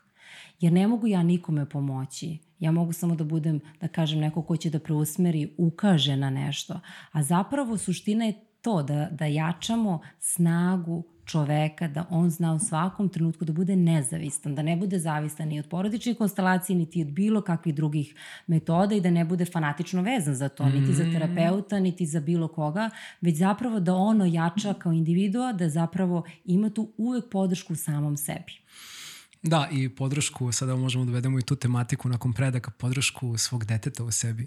O, trebalo što bi... Je, što je isto ono ogromna tema. Ti si me baš pitala jednom trenutku Da. kada smo sedeli i vodili ovaj pripreman razgovor za ovako, gde je sad mali Damijan? I Da. kao, hmm, Dobro pitanje. E, koliko zapravo dobro, a i na neki način zastrašujuće u tom smislu koliko ne, ne mislimo uopšte nikad o tome i koliko nismo povezani sa njim, ono nama po svemu sudeći postoji.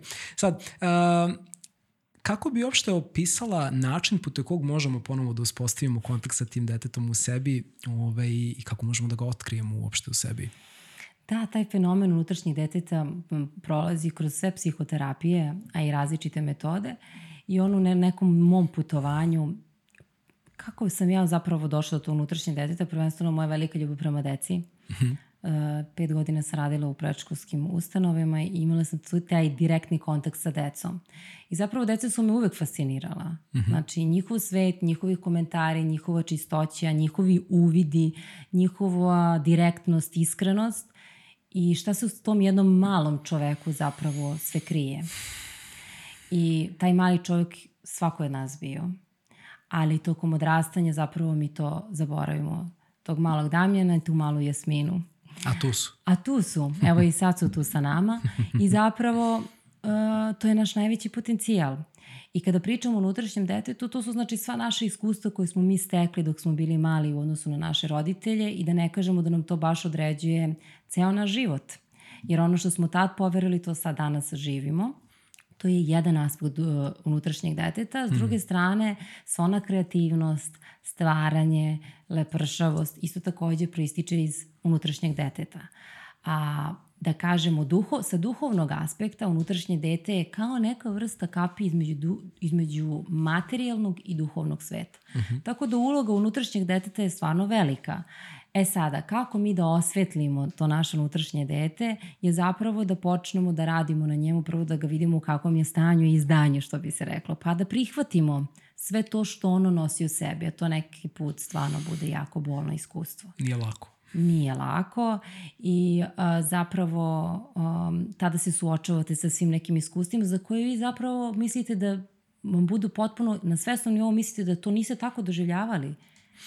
A zapravo ne, iz aspekta unutrašnjih deteta su doživjeli raznorazne neke traume, mm. a, raznorazne odbacivanja, raznorazna neka uverenja koje ste doživjeli od svojih roditelja, implicitno oni možda nisu imali nameru, ali mm. to je bio vaš doživljaj. I ostalo je u nama. Tako je. Da, da, da. Tako i to i tekako kreira zapravo naš život i ono što je možda još zanimljivo da većina ljudi žive uh, unutrašnje svoje dete jer su potpuno identifikovani.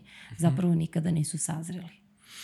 A, A suština velika je, razlika tako je, a suština je zapravo da mi izgradimo taj odrasli aspekt nas, ono o čemu ja pričam, da izgradimo to neko poverenje koje, na koje može to naše unutrašnje dete da se osloni.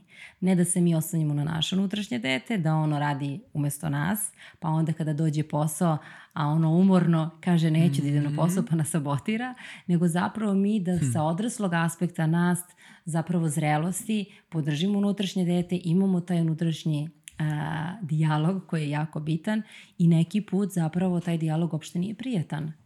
Jer a, to je jedna jako dobra priprema za roditeljstvo. da, da. Jer naše deca su neki put zahtevna, pa su razmažena, pa su sebična. I kada krenete da razgovarate, ono neće baš kao što moja mala Jasmina, moram to da se našali, stvarno kad ja idem na neke svoje egzibicije duhovnog rasta i kad treba da idem na neku novu avanturu a sa sobom u cilju da nju oslobodimo, ona već u startu kuka i kaže, molim te, nemoj da me vodiš više na te eksperimente. I to je jedan, da, kao dosta. je bilo, a zapravo moj svesni odrasli deo kaže, ok, ona to doživljava kao jeste rušenje njenog sveta, ali to je jedna vrsta isceljenja koje ja jednostavno želim da uradim za nju. I na tom, uh, kako da kažem, putu, neki put se dogovorimo, neki put se ne dogovorimo i to je okej. Okay. e, I sad kad pričamo ovaj, o detetu u sebi, mm. a, tu baš dolazim do ta dva pojma a, ozbiljnost u odnosu na zrelost.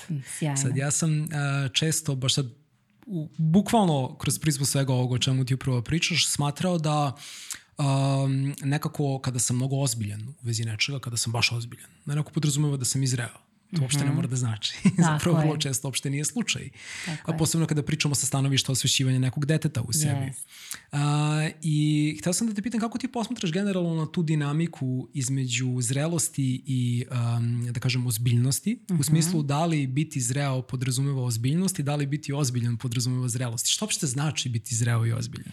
Ah, to je baš onako dubinsko ovaj da. pitanje. Ja mislim da pitanje zrelosti je jedan proces koji mm. nije završen, nego da traje celokupno tokom celog života našeg rasta. Ne možemo reći, mi možemo reći da smo zreli, mm. ali to je nešto što i dalje i dalje na tome da, radimo. Da, da, ali neko ne kaže, o, baš je zreo. Da, to, e sad, i to je dobar, da, da, da. dobar primjer za to je, na primjer, ne znam da li si ti primetio, ali postoje deca koji su tako zvano zovemo i star mali. Znači, onako, deluju ti deca ozbiljno, deluju ti nekako da su zreli, tako mm -hmm. mali. E, to je, znači, na primjer, primer, znači, dece koji nisu imali prostor da budu zapravo deca, nego su pre vremena morali da, da, da, da, da sazreju i zapravo nikad nisu bili deca.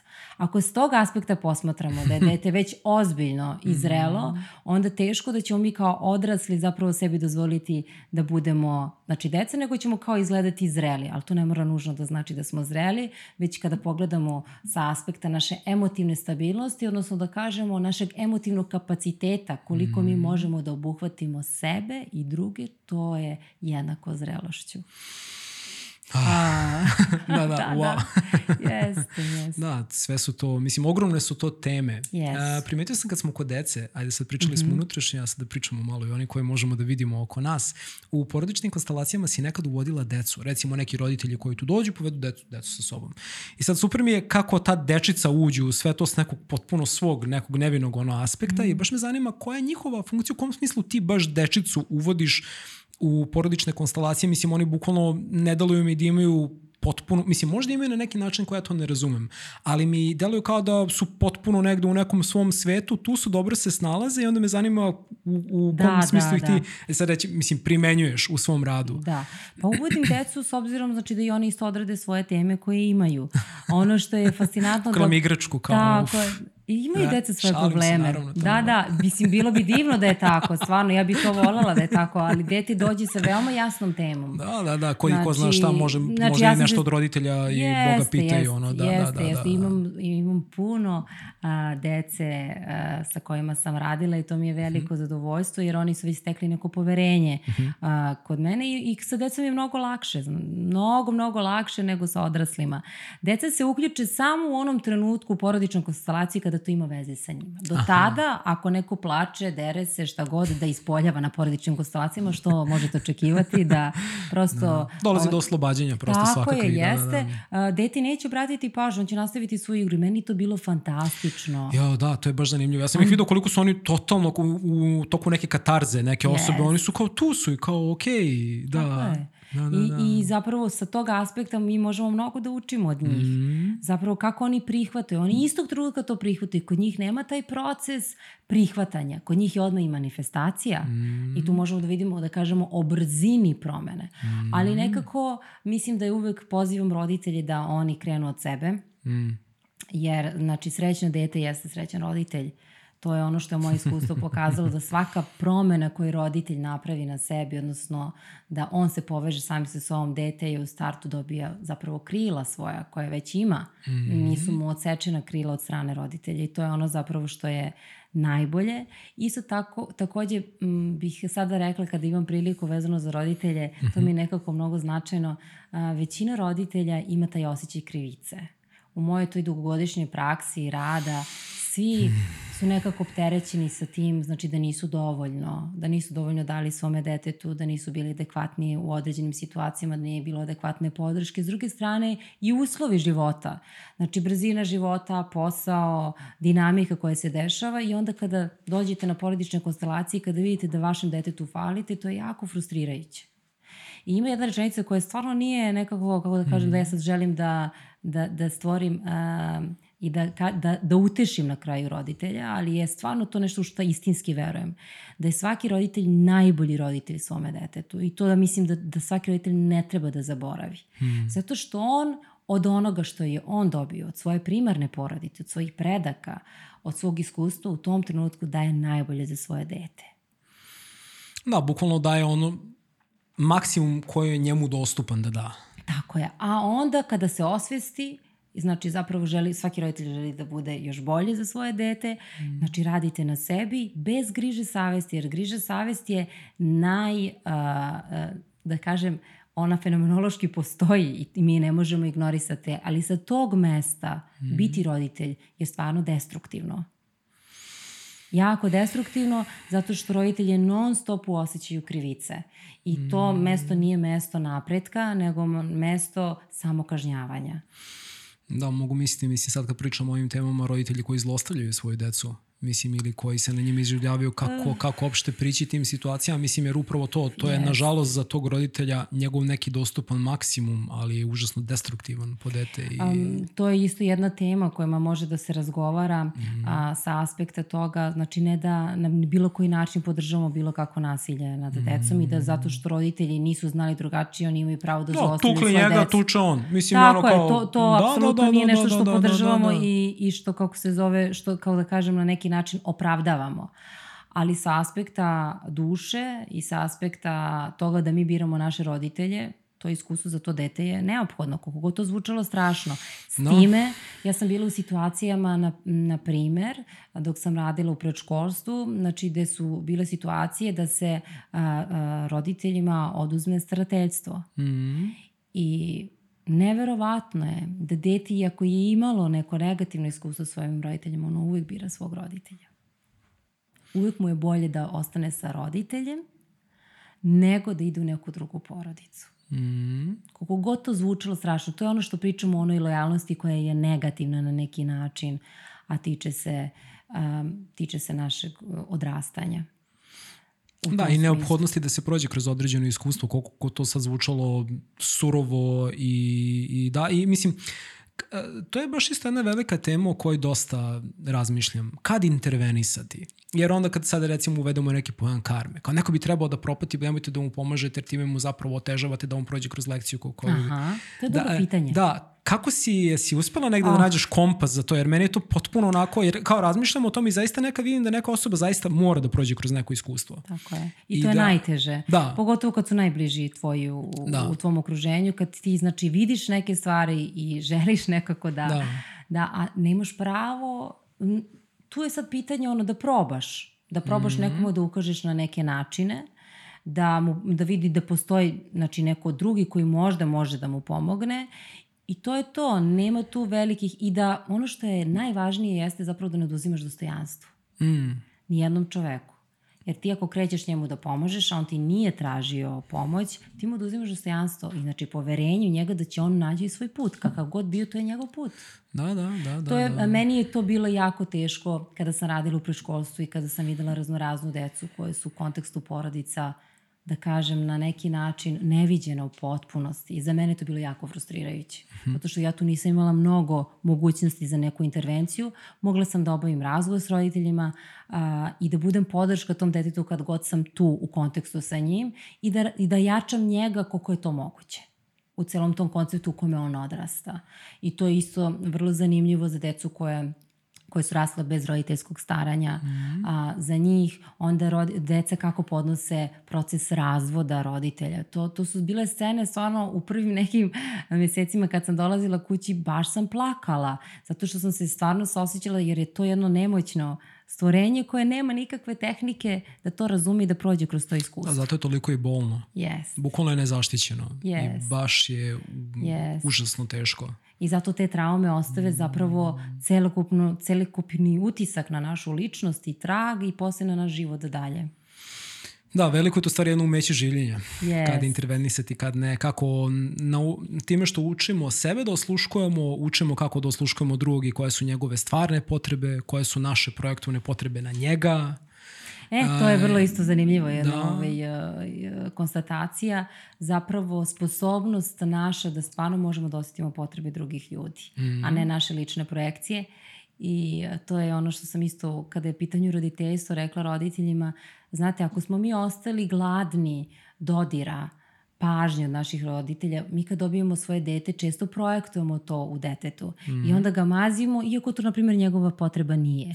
I onda imamo decu koje onako odbijaju dodir, onako baš i, i, i zapravo je jako važno da tad u tom trenutku mi poštemo granice našeg deteta, da mu ne mhm. narušamo. I ja onda kada uđem u grupu, kad sam ulazila u grupu i sad tu brdo deci dođe oko vas i vama je već predivno, znači u startu vam je već predivno. A, I onda ovaj, kada, kada želim neko dete ili da dodirnem ili da ga zaglim, ja ga pitam da li to smem. On je vrlo jasno kaže može, ne može. I na nama je odraslimo da to ispoštujemo. Mm. Jer onda posle u životu možemo da postavimo jasne granice u odnosu na druge ljude. Da, sad, smešna situacija, ali znaš ono kad na ulici nalazimo tako na simpatične ovaj, kuce ili da. kičići, ono, tako samo ih pomazimo bez pitanja. Znaš kako je bilo tako da ljudi međusobno isto kao neko nam se dopadne, kao ja vidi ga što je sladak, što često radimo deci. Kako ne, u porodici, znaš ono, tetke, da. stričevi, da. pa kad dođu, tako, pa obraz. bre. e, a, a, na primjer, kod hipersenzitivne dece to je da, veoma... Da, da, da opasno. Da, da, zato što im da, da, narušavate da, da, već da. polja, ono osjećaju već u startu i to je narušavanje te granice nekako mm. i uh, ja im jednu moju, ovaj, da kažem, ne mogu da kažem omiljenu, ali jednu od mog brata, um, devojčicu koja je predivna i mhm. preslatka je i ja mhm. svaki put kad dođem svašta bi joj i zagrlila i poljubila, ali ona se ne da uopšte i što je to za, ne da se, nema šanse, onda ja tako mudro sedim i čekam. Čekam trenutak kad će da mi da malo, ono, malo prostora sutra da mogu da je zagrlim, ali sam zadovoljna već i samo njenim prisustvom. Peceljka sa bombonicom kao. Da, da, ne, ne, ne, ne, ne. ona je, ne, nema, ona je svoja skroz i mene to raduje, da, da, što već da. tako mala ima svoj uh, jasno izdefinisan karakter, mm. to je odmah izazov za roditelje, da, jer da, neće da, da. da bude onako kako roditelji žele, ali će biti neko ko će možda promeniti neke stvari u ovom svetu. To je ono što roditeljima kažem, roditeljstvo možda vama jeste teško sa vašim detetom, ali to, to su naše budući ljudi koji će da vode ovu, ovu, ovu zemlju i, i sve ovo ostalo što, što je se zove život. Da, da, oni nas nasleđuju. Tako je. Da. I sad vi kad ubijate to, to u detetu, vi zapravo ubijate njegov potencijal. Mm, da, da, da. I već, da, da, da, već da. vidite, vi vidite kad uđete u grupu da imate vođe. Znači, decu koji su već vođe, oni ih organizuju. Ti ćeš ovo, ja ćeš... Znači, to je vrlo, vrlo jasno. E sad, to je jako teško za roditelja, mm. zato što tu treba da uspostavite autoritet, odnosno prvenstvo morate raditi na sobstvenom autoritetu, a da to nije strah, a da to nije da vi podignete ucena. ton, mm. ucena, mm. nagrada i tu su, znači, ovako veliki izazovi. A, pitanje je još jedno, pričali smo sad više o tim nekim našim odnosima sa precima, o nekim našim međuljudskim odnosima, odnosima roditelja i dece.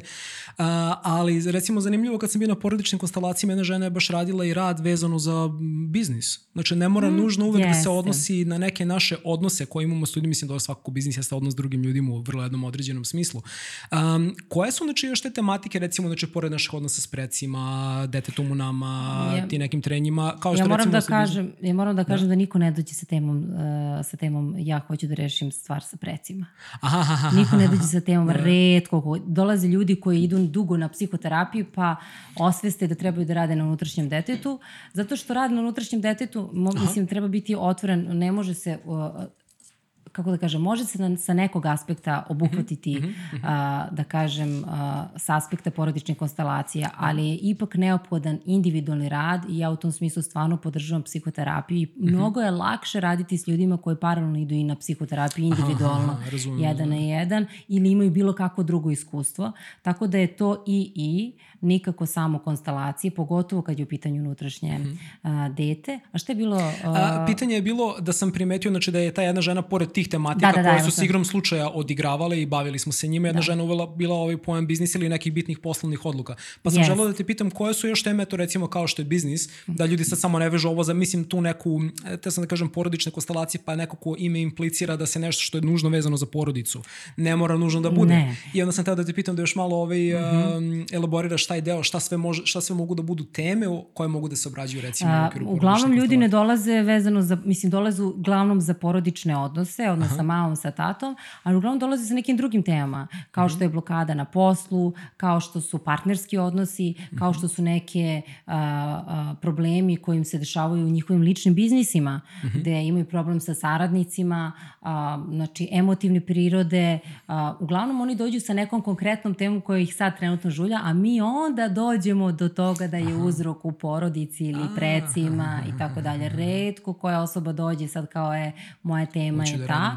A pored tih uh, biznis uh, tema uh. -huh. raznoraznih, od uspeha, prosperiteta mhm. -huh. do toga da pokrenete svoj lični biznis, do mhm. -huh. kreativnosti, šta je ono što, što, što ja mogu da radim i imaju te biznis, uh, kako da kažem, prikazi koji zapravo ukoliko imate neku poslovnu dilemu, uh -huh. a, odnosno ne znate šta da odlučite, možemo da se pozicionira, da se postavi a, znači opcije i onda sa tog aspekta nesvesnog da vidimo šta je ono za što vi zapravo najviše, šta je ono što je najviše podržavajuće za vas, ali to je uvek podržavajuće pre toga odraditi rad pa onda nastaviti a, biznis a, tu kako da, biznis izbor, da kažem. Aha, aha, aha. E pa dobro, to je super, čisto to za gledalci i slušalce koji ne znaju čemu se radi, jer recimo nisi imao pojma. O tome, yes. on, to me baš prijatno iznenadilo i to je baš bilo taj prvi dan kad smo bili ovi kao ok, super, znači moglo da se obrađi ta neka tematika i delovalo je da je bilo nekako vrlo značajno, bar za tu osobu koja je ovaj, tad radila taj rad i onda prosto mi je bilo, bilo mi je zanimljivo da može da se pristupi tim temama. Jeste, sve teme zapravo u životu i posao i porodice da. i partnerstvo su zato, zapravo platforme uh mhm. -huh. gde mi možemo da radimo na sebi. Sve što se ne ide, da kažem, zablokira, to je prilika da pogledamo u koji deo, taj deo nas koji zapravo treba da bude oslobođen. Zato kada mm -hmm. imate problema na poslu ili imate problema u partnerskim odnosima ili bilo kakve izazove, gledajte to kao priliku zapravo da pogledate u sebe. Da, i većina zapravo ovog našeg razgovora se svodi na to da naučimo bolje kako da osluškujemo sebe, da posmatramo okay. sebe, da upoznamo sebe i tu baš sad dolazimo do te one ključne fraze koja se pojavljuje u ogromnom broju tradicija, gotovo svim tradicijama koja zvuči uh, spoznaj sebe. Što onako na prvi pogled vrlo jednostavno, odnosno na prvo slušanje je vrlo jednostavno sročeno, ali zapravo ne baš toliko jednostavno u praktičnom izvođenju. E sad kad bih e, krenuo da razmišljam o toj frazi spoznaj sebe u jednom bazičnom nivou, a, nekako e, bih mogao da iz toga izvučem isto jedan savet koji bih opisao kao recimo nauči sebe da posmatraš.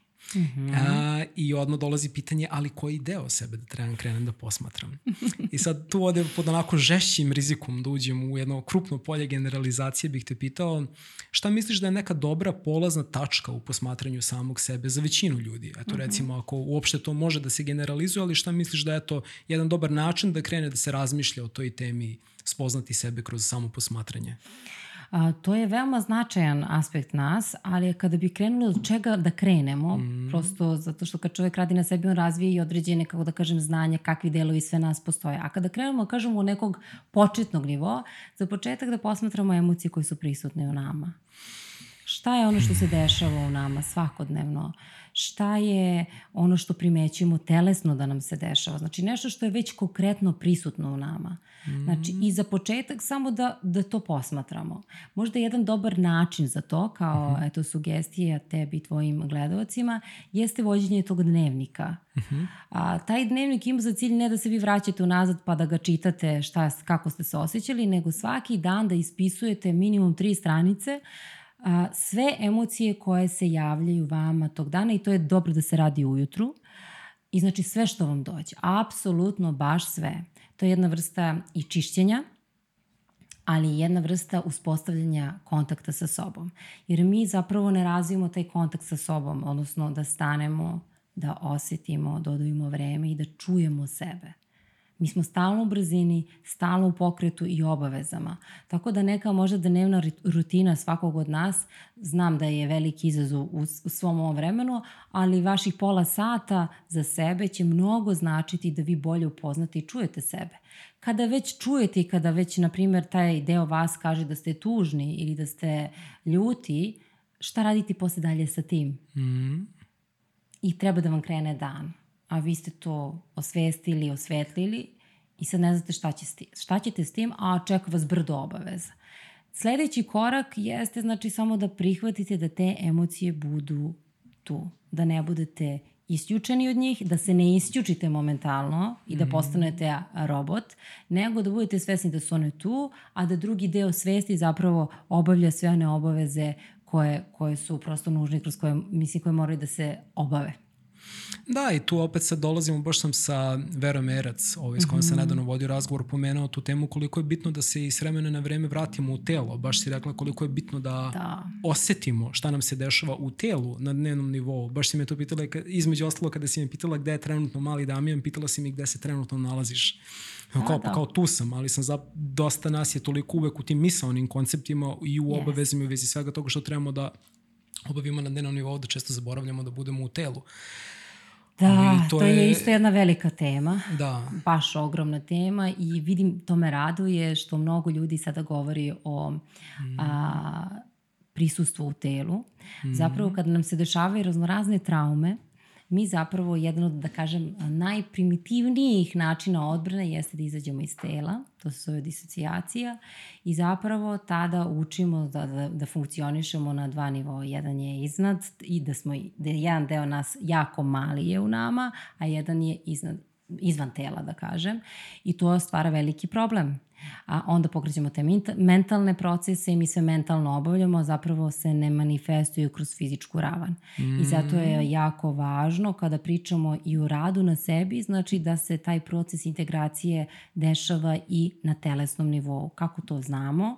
Tako, da, tako što osjećamo tugu, tako što imamo manifestaciju emocije u našem fizičkom telu.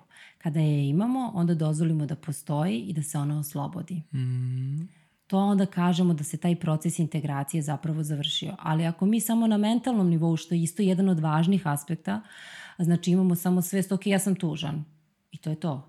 A ne dozvolimo da prođe, da te emocije postoje u nama, mi smo zapravo odsečeni. Mm. I mhm. takvih, da kažem, situacija na svakodnom nivou je puno. Pogotovo ako nam se dešavaju neke teške situacije. Ja sam stvarno imala izazovne životne situacije verovatno zbog mog puta, da kada stanete ispred 25 do 30 ljudi, vi treba da budete u funkciji tih ljudi, a da se vama dešavaju raznorazno, raznorazni brodolomi. Mm. I zapravo, a, kako zapravo naći a, sebe mm. ne ignorisati i poništiti, a opet dati ljudima ono što je njima zapravo potrebno. I to je jako važno, jer mi imamo te situacije svakodnevno, jer onda možemo da čekamo trenutak, jer ljudi kažu kada završimo ovo, pa kada završimo onda ovo, pa kad mi prođe ovaj proces, to je varka. Mi treba da naučimo da živimo sa svojim emocijama svaki dan. To je ona naša snaga zapravo. I kako nas to nauče u školama? Znači, bukvalno, meni je, je to ono, da. to je meni neverovatno, jer ovo sad o čemu mi pričamo, znači, postoje, ovo nije neka, neki domen neke mistike o kojima se priča u dubinama amazonske prašume. Znači, yes. ovo je nešto što ljudi studiraju. Znači, o ovim stvarima se već zna. Zna se koliko je bitno. I meni je prosto neverovatno da mi moramo da prođemo kroz ceo jedan taj period odrastanja, da dođemo u taj neki odrasli period i da onda shvatimo da mi bukvalno nit smo u telu, nit prepoznajemo svoje emocije, upadamo u svakakva ludila zbog jednog tog gluvila ka našem unutrašnjem svetu To je potpuno neverovatno. Ovaj, ne znam da, da, da, da, da, da li bi moglo da mi daš ovde kao da pitam sad da, sve te ovaj, ljude koji organizuju naš obrazovni sistem. Čoveče, ljudi, šta radimo? Tako je i meni je bilo to jako poražavajuće kad sam počela da radim u predškolstvu. Mm. Ne u smislu, nailazila sam na divne vaspitače stvarno i na divne kolege koji su da. stvarno živeli svoju profesiju, a isto tako sam nailazila na ljude koji potpuno su odsečeni od sebe, a oni stoje pred tom decom. Mm. I to je mhm. jako poražavajuće, a da ne pričamo onda o tabu temama. Mm. Pa onda znači vi kao neki, neko ko je stručni saradnik pa pokrećete određene teme koje su jako važne, mm. a sami odrasli ljudi imaju sramotu da o tome razgovaraju, a treba to da prenesu znači, da, na da. decu. I onda su to super prilike za rast i onda znači koristite te situacije koje su jako frustrirajuće za odrasle, ljubav, odrasle mm. ljude, da zapravo pokrenete neke teme, ali to je jako mučno kad je sistem tako zatvoren. To stvarno znači i to, to, to je mislim nekako i sami roditelji. Vi kad roditelj dođe na razgovor, on najmanje što želi jeste da priča o sebi. Mm, Oni da, meni da, kažu, da, da. uglavnom su mi govorili mi smo ovde došli zbog našeg deteta. Nismo došli da pričamo o nama. A onda ja kažem, a čije je to dete? da, I da, uglavnom da, da, svi da, problemi da, da, da. koji se dešavaju sa decom jesu posledica odnosa roditelja. Mm. I njihova zapravo manifestacija onoga što je što roditelji zapravo ne ispoljavaju. Da, nadam se da će se to vremenom promeniti. Ove, ovaj, zato što deluje mi da je potreba za tim ogromna. Jer deluje kao da iz tih, mislim, ja mogu slobodno da kažem da sam odslužio svoje ono osnovno, osnovno školsko i srednjoškolsko obrazovanje i fakultetsko na neki način, gde, ok, ti prolaziš kroz taj neki sistem znanja koji je tu da bi tebi obezbedio određena umeća, ali u tom nekom stvarnom umeću življenja, ako možemo, mi na neki način sve vreme komuniciramo o nekim postulatima koje mogu da nam omoguće jedno uspešnije umeće življenja, jednostavno se ljudi toga ne dotiču. I ljudi kao da izlaze osakaćeni yes. i posle moraju da provedu godine i godine i godine rada da bi se vratili na nešto što su, što su bukvalno mogli da reše dok su bili još ono u zabavištu. Baš to kad si pitao kao šta se dešava sa, sa našim sistemom a, obrazovanja, to je isto jedno jako bitno pitanje a, svesti našeg naroda. Mm Znat, to je prosto, ne možemo mi pričati o našem, o našem emotivnom obrazovanju kada pogledate unazad generacije iza nas je, su, su ratovi bili način kako su se razrešavali određeni sukobi. Mm, da, znači, da, to je da, jedna da, da. svest Ginulo naroda. Se, mi to zaboravljamo. To je kao, svest da, da, da, naroda da, da, i to, da, da, to je nešto što ne možemo da osporimo. Tako, da, to je jedna da. kolektivna svest koja određuje to. Kada budemo porasli dovoljno na ovim prostorima, na tom svestom nivou, onda će se dešavati promene i na nivou obrazovanja. To je sve uzročno posledično da, zapravo. Da, da, da, da, U nekim zemljama zapravo oni nemaju posledice toga, ali s druge strane opet koliko je to, da kažem, izazovno što mi živimo posledicu nekih, nekih, nekih pređašnjih jel te, i ratova i raznoraznih iskustva, opet ja mogu da kažem s ponosom da smo mi jedan fantastičan narod. Ja isto to ja duboko to verujem. uvek, ne da, da. samo da verujem, nego osjećam. Da, da, da, da, da. Jedan narod koji ima ogroman kapacitet. Mm. Prvo duhovni kapacitet.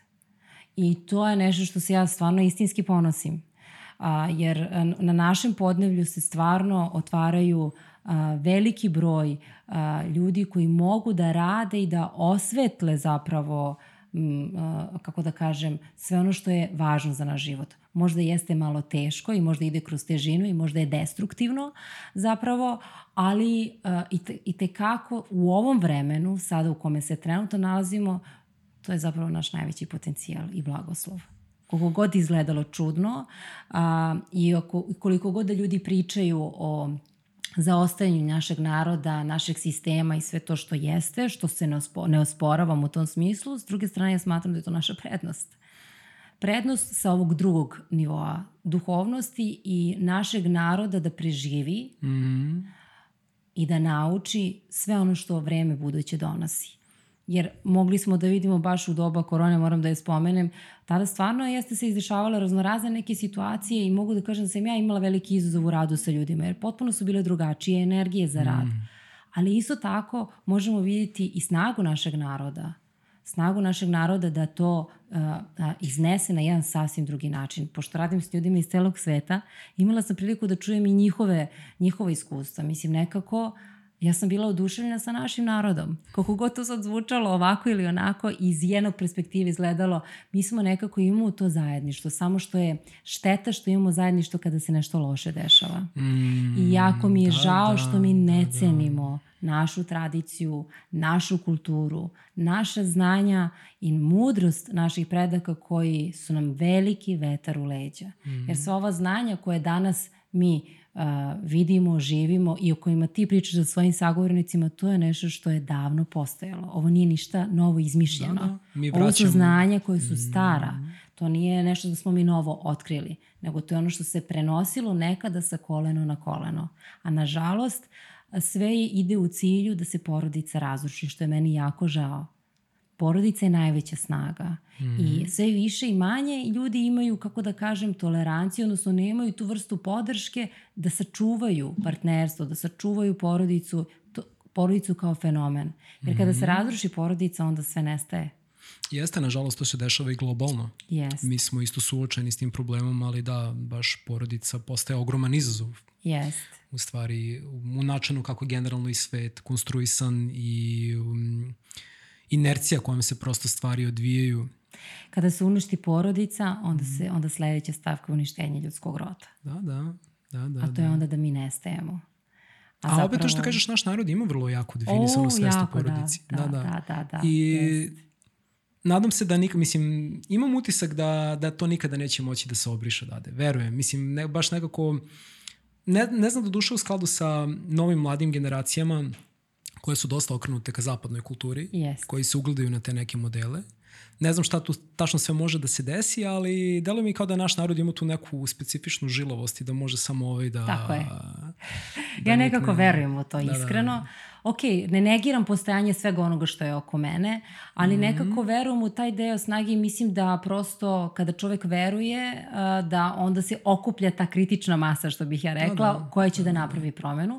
Nije samo da verujem, nego sam imala prilike mladih ljudi koji dolaze na konstalacije, Mhm. znači ljudi, mladi ljudi koji imaju 18 godina. I to mi i tekako uliva u poverenje da postoji među tom omladinom isto takođe mladih ljudi koji već rano kreću da rade na sebi, što je i tekako podržavajuće za, za dalje. Pomenuli smo bili isto bitnu stvar, to da koliko, jedan od razloga zbog čega često ne čujemo svoj neki unutrašnji svet jeste to što smo previše opterećeni tim jednim spoljašnjim ovaj, uraganom koji se dešava e, do te mere da često u tom suočavanju sa sukobima koje nam dolaze iz spoljašnjeg sveta zaboravljamo na one koji ništa manjim intenzitetom tutnje duboko u nama. Um, kao što recimo sukob između duše i tela, između srca i glave. Um, koji misliš da alati mogu da nam pomognu na tom jednom polju naših unutrašnjih frontova? Naravno, porodične konstelacije na neki način pričamo mi tokom cijele ove epizode o tim alatima. Da li bi možda izdvojili još neki koji može onako malo da nas centrira i da nas vrati u taj ovaj jedan unut, vrlo živi unutrašnji svet? Porodične konstalacije u tom smislu, znači nije, nije samo da ljudi ne shvate da je to samo metod vi dođete i razrešite svoj problem. Vi kroz porodične konstalacije, pošto boravite na radionici dva dana, zapravo učite kako da uspostavite taj kontakt sa sobom.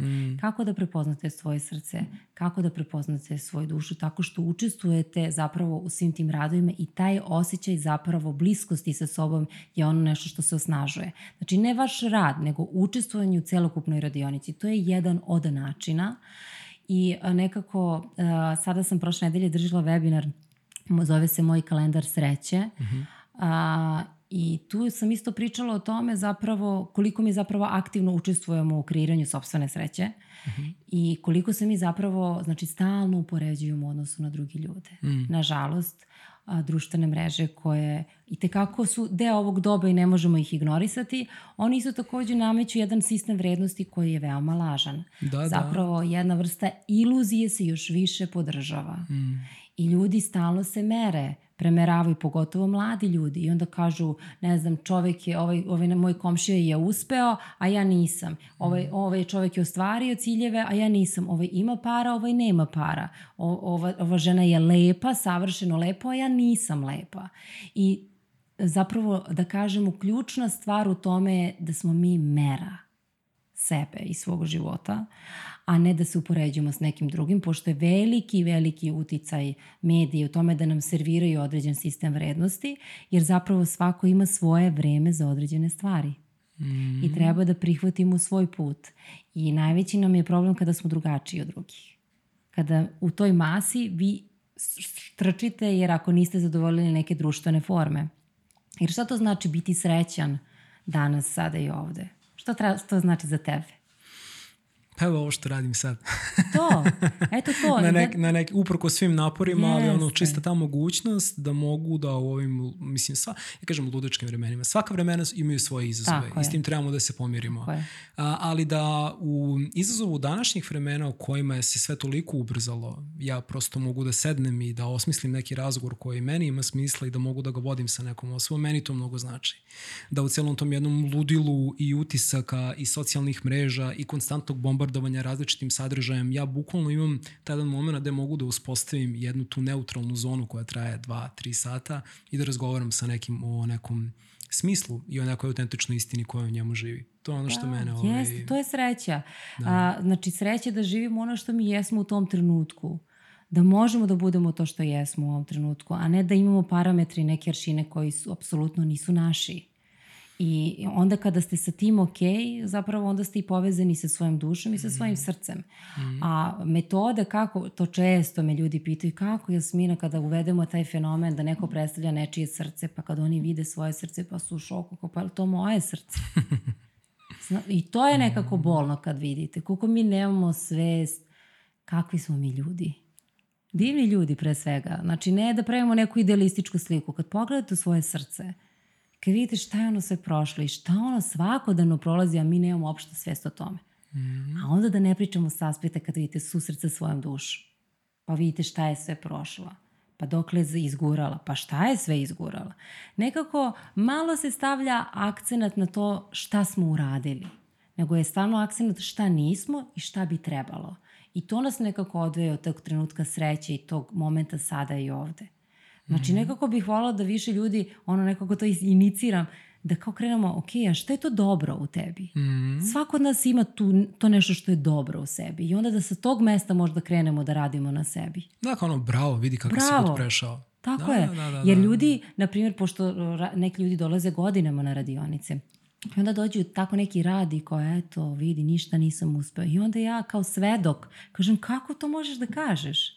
Pa evo, uradio si ovo, poradi ovo. Pa, ko je to uradio? Pa ti. Znači, ti si to uradio.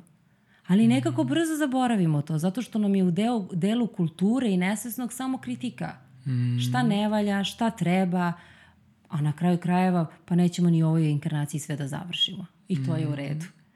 Ali nekako da budemo, a, kako da kažem, da po, podržavajući za sebe baš podržavajući, ne da lažemo sebe, nego da podržavamo sebe na tome putu i da budemo negujući. To je nekako po meni mnogo, mnogo značajno. I vezano za to, kad pričamo o tom jednom unutrašnjem sazrevanju i otvaranju, dolazimo baš isto do jednog vrlo bitnog pojma um, koji je poprilično unutrašnje prirode, uh mhm. -huh. pojam unutrašnje integracije. Uh -huh. um, često puta čujem taj pojem kao i rad na sebi i deluje mi da i taj pojem kao i rad na sebi, onaj koga upotrebljuje na njega projektuje neki svoj lični značaj. Šta je, po tvom mišljenju, predstavlja pojem za početak samo pojem integracije i koji je njegov smisao u tom nekom unutrašnjem manifestovanju, kada kažemo recimo proces unutrašnje integracije? Da, najprostiji rečeno proces integracije je prihvatanje. A kako se ono odvoje, on ima svoje faze. Jedna je prvo ono da osvestimo. Mnogi ljudi su svesni određenih stvari, ali zapravo ih nisu, znači da kažem, integrisali. A drugi segment je kada osvestimo da uzmemo akciju, da pogledamo zašto, zašto nam se dešava određena stvar. To je znači da odemo ili kod psihoterapeuta ili da odemo na porodične konstelacije ili bilo šta što ono čoveku odgovara. Treći, treća faza jeste emotivno propuštanje, odnosno oslobađanje, odnosno da kažemo ovo telesno uh, uvid šta je ono gde smo blokirani, da se čovek otpusti tu blokadu kroz svoje telo, a onda nakon toga ide prihvatanje, to je ono što je mm. najteže. To je ono što je praksa pokazalo da je stvarno čoveku najteže da prihvati. A kad čovek prihvati, možda preskoči sve faze ove unapred, ali prihvatanje je ključ i ono što je na kraju mnogo važno, to jeste akcija akcije u svakodnevnici, jer ljudi imaju iluzije a, da kada dođu na porodične konstelacije, kada idu na terapije, kada idu na liturgiju, kada rade razne vrste meditacije, da će to nešto kroz taj neki kontakt da se desi i onda će onda se oslobodi. To nije tako. Ja svim ljudima kažem koji očekuju da, da, da stvarno dolaze na porodične konstelacije sa ciljem da jednostavno kao reši i to je to. Ne treba da dolaze da troše svoje vreme i svoj novac. Mm. Suština je dalje akcija, naša stalna aktivna uloga da mi to što smo videli, što smo procesuirali, što smo otpustili, da zapravo prihvatimo i onda napravimo novi korak.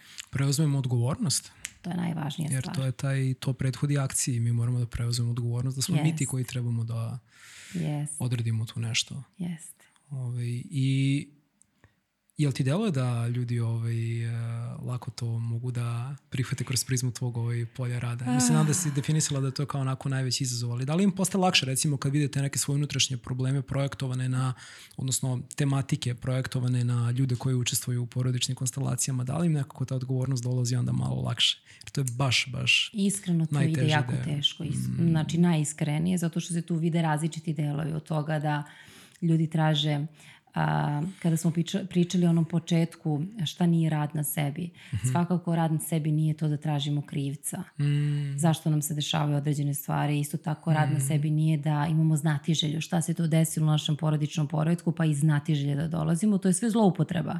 rada na sebi ili da mi sebe opravdavamo zašto mi nešto radimo sada i ovde. To nije rad na sebi.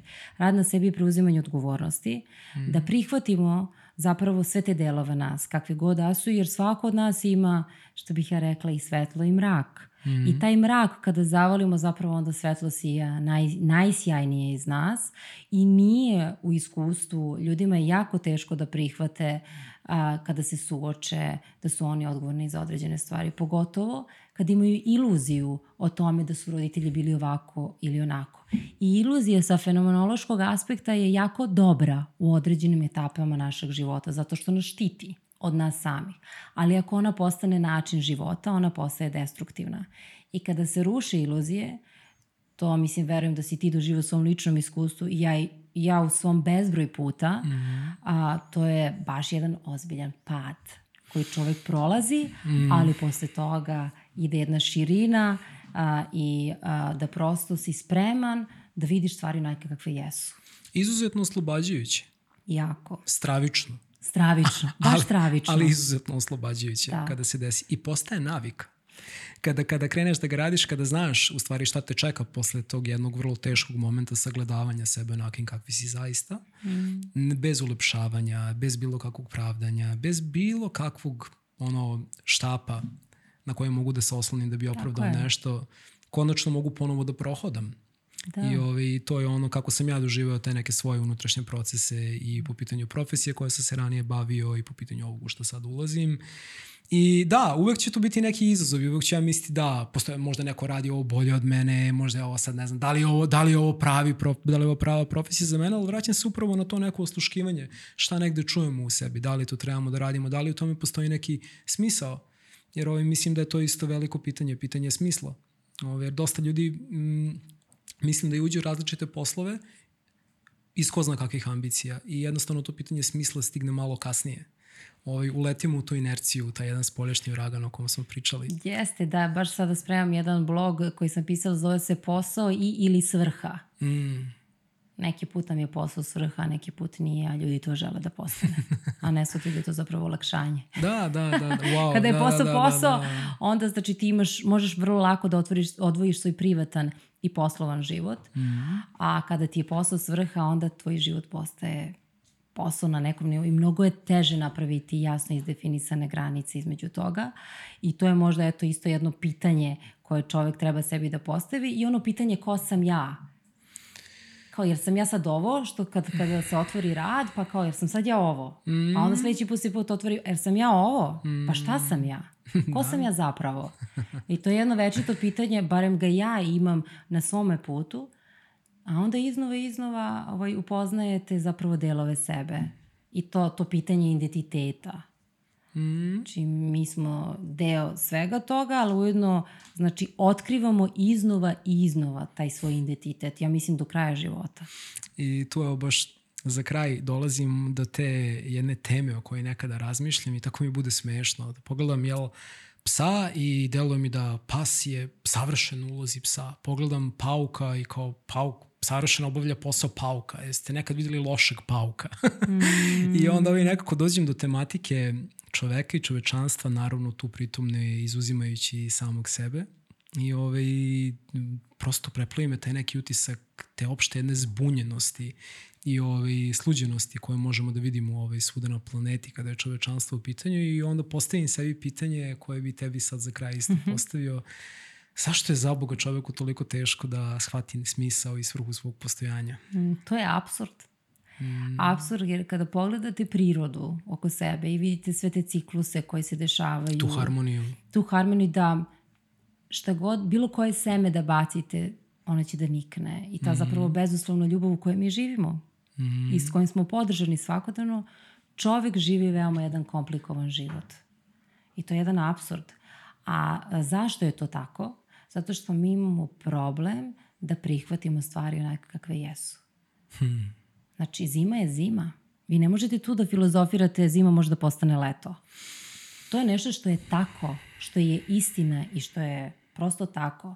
Kada vi se nalazite u određenoj životnoj fazi koja nije prijatna, mi prvo što posegnemo jeste da uđemo, pa nije to tako, pa uđemo u negaciju, pa se Poricanje. borimo. Mi se zapravo borimo sami sa sobom Umesto da prihvatimo. Zato sam rekla da je prihvatanje najveći rad na sebi koji može svaki čovek sebi da vežba svakodnevno. I zašto to baš nije išlo tako ili, na primjer, se dešava, evo sad ti vodiš emisiju pa se dešava bezbri nekih faktora koji to ometa. Mm. Šta ono što može, na primjer, u tim situacijama da olakša čoveku? Znači, najgore kad počne da se buni protiv toga, može da prihvati.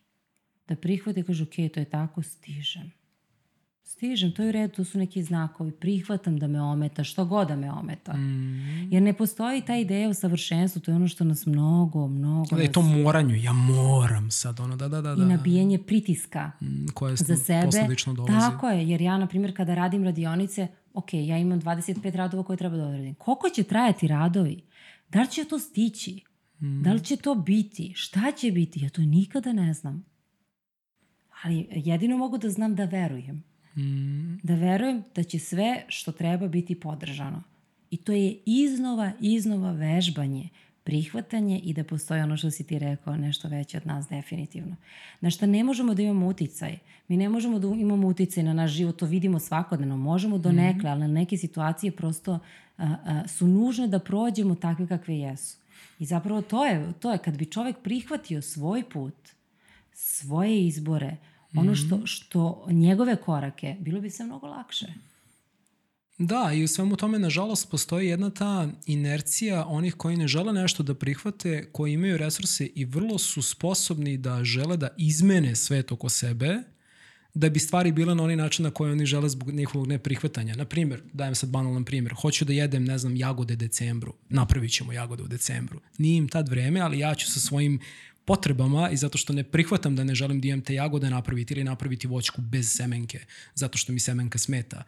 Tu ulazi baš ta moć koja je nama data da možemo da utičemo na određene cikluse ili da, zaga, mislim, eto sad na primjer kroz zagađenje. Znači mi već bukvalno svojom tendencijom i zbog svojih nekih naših unutrašnjih potreba, nesigurnosti, Koje? pohlepe, yes. utičemo na svet oko nas. Yes. I to je ono što je malo onako, hm, kako tu uhvatiti balans? To je baš onako nezgodno. To je oglušavanje o da. zakone prirode. Da, da, da. I delo je, mislim, da ćemo platiti žešću cenu za to. Već plaćamo, da, nažalost. Da, već plaćamo, da, da. O, ozbiljna je cena i da mi mislimo da smo bogovi. Kako da, da god, da, da, šta da, god da, da to da, značilo da, za nekoga da, bog. Da, da, da, to je jedna da, da, ozbiljna da. stvar. I ima jedna bitna stvar kad je u pitanju kreativnost. I to mi isto kao fenomen veoma značajan, a, a tiče se i porodičnih konstalacije. To je uh mhm. -huh. da, na primjer, ljudi koji imaju izražen talent kreativnosti i svesni su toga da imaju. Da li je mhm. to crtanje, slikanje, pevanje i tako dalje a, vremenom, ako nemaju osjećaj zahvalnosti za taj talent, mm -hmm. obično ga istroše. da, da, da, Imali da, smo da. primjera e, s jednom ženom koja sam kao kako je moguće, ja sam savršeno slikala. Mhm, da, ta kreativna oholost, mogli bi e, tako da je nazovemo. to je moć. Da, Kada da, mi da, da, mislimo zapravo da će ta stvaralo što je samo naše mm -hmm. i da ga samo, da je on u službi nas i da smo mi zbog toga posebni. Da, da, da. da, da Sve što imamo kao darove, je dato, jeste za naš život da nas, da nas oplemeni, ali takođe da delimo sa drugima.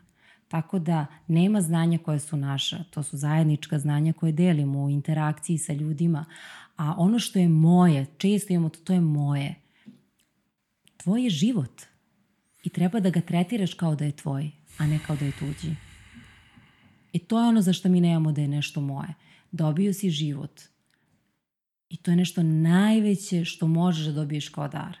Mogućnost da se začne jedan život je jako mala. A duša koji čekaju na inkarnaciju je jako puno. I sad kada smo dobili tu priliku, šta radimo sa tim? To je ono što, što nekako na tu ličnu odgovornost svako od nas kao pojedinca treba da se pozivamo. Sama prilika da živimo život na planeti Zemlji je veliki blagoslov. Mm.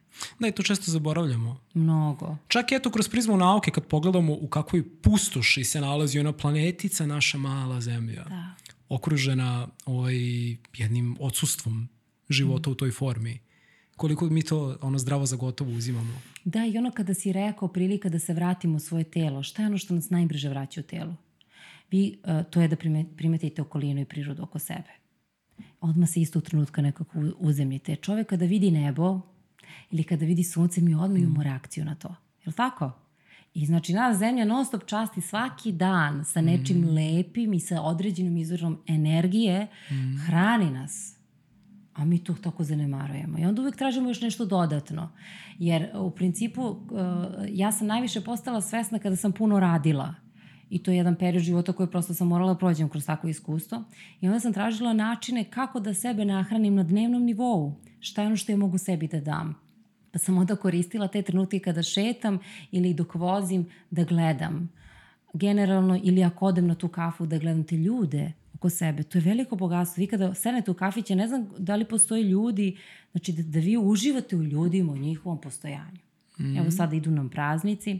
Jedna od najlepših stvari koje ja volim to je 1. januar da izađem na ulice. Znači, meni je to, ja ne mogu da objasnim tu vrstu zadovoljstva i mog punog srca kada sam među ljudima. Kada osetim porodicu, kada osetiš taj naš narod takav kakav jeste. I to je prilika da se nahranite. Ne morate nužno sebi da kupite nešto. Da, da. A takvih odnosa imate svakodnevno. Od, od toga da odete u prodavnicu pa da komunicirate sa nekim, do toga da vidite decu i da vam je to dovoljno. Pa što? Eto, darovi na svakom koraku, yes. svakog dana. Ove, šta da kažem, Jasmina, prvo jedno ogromno hvala za to što si odlučila da dođeš i da pričaš o nečemu o čemu je vrlo teško pričati. Um, nadam se eto da će ovo što smo mi danas napravili i što ćemo podeliti u formi socijalnih mreža značiti ljudima koji će to pogledati kao i meni ovaj, dok sam sve ovo pravio. Ja ću ostaviti u opisu mog videa tvoj zvanični website um, ljudi mogu s tom da stupe u kontakt, ne. a sve oni koje budu zanimale porodične konstelacije, naravno tebi mogu da se obrate za sva dodatna pitanja. Takođe ću ostaviti u opisu sve ove neke reference koje smo upotrebili tokom našeg razgovora. Um, zaista ogromno hvala. Um, sam samo da te pitam eventualno za sam kraj, ako bi želela nešto ove ovaj, još da podeliš sa mojim gledocima, sad je trenutak za to. Mm. Pa ja prvo želim da ti se zahvalim na prilici a, i da se zahvalim svemu što je sudelovalo da se kreira ova prilika. To je isto jako važno. Možda, možda je nevidljiv jedan deo, ali i tekako je velika podrška koju imamo da danas ja i ti razgovaramo ovako na ovaj način. A, takođe da se zahvalim svi ljudi koji su učestvovali, koji nisu vidljivi sad u ovom razgovoru, u celokopnom ovom staviš, procesu. Staviš jednu da. kameru ovde. To je jako samo važno. Da, samo da, samo da jeste, ovako... Ovaj... jeste, smo kreirali zajedničku ovu pa energiju jesmo, razmene i mislim zajedno. da je to jako bitno. Jeste, hvala ljudi, hvala. I šta da kažem više nego da jednostavno ljudi prate sebe. Eto, pratite sebe i kada šta god odlučite da je za vas rad na sebi ili upoznavanje sebi, birajte ljude na osnovu svoje intuicije. Nemojte da se vezujete ni za mene, ni za nekog drugog, nego vidite taj svoj, slušajte svoj unutrašnji glas. I to je najbolja mera za sve u životu, jer vi možete, vi znate, vi umete. To je sigurno. Bez obzira na kom mestu razvoja se nalazite u vašem životu. Eto. Sjajno. Hvala, Hvala ti puno. Hvala i svima vama koji ste bili sa nama do kraja ove jedne meni vrlo posebne epizode. Nadam se da ćete na njoj naći neku stvarno ovaj osobitu korist u, ovaj, u koju i ja sam verujem i koju osetim.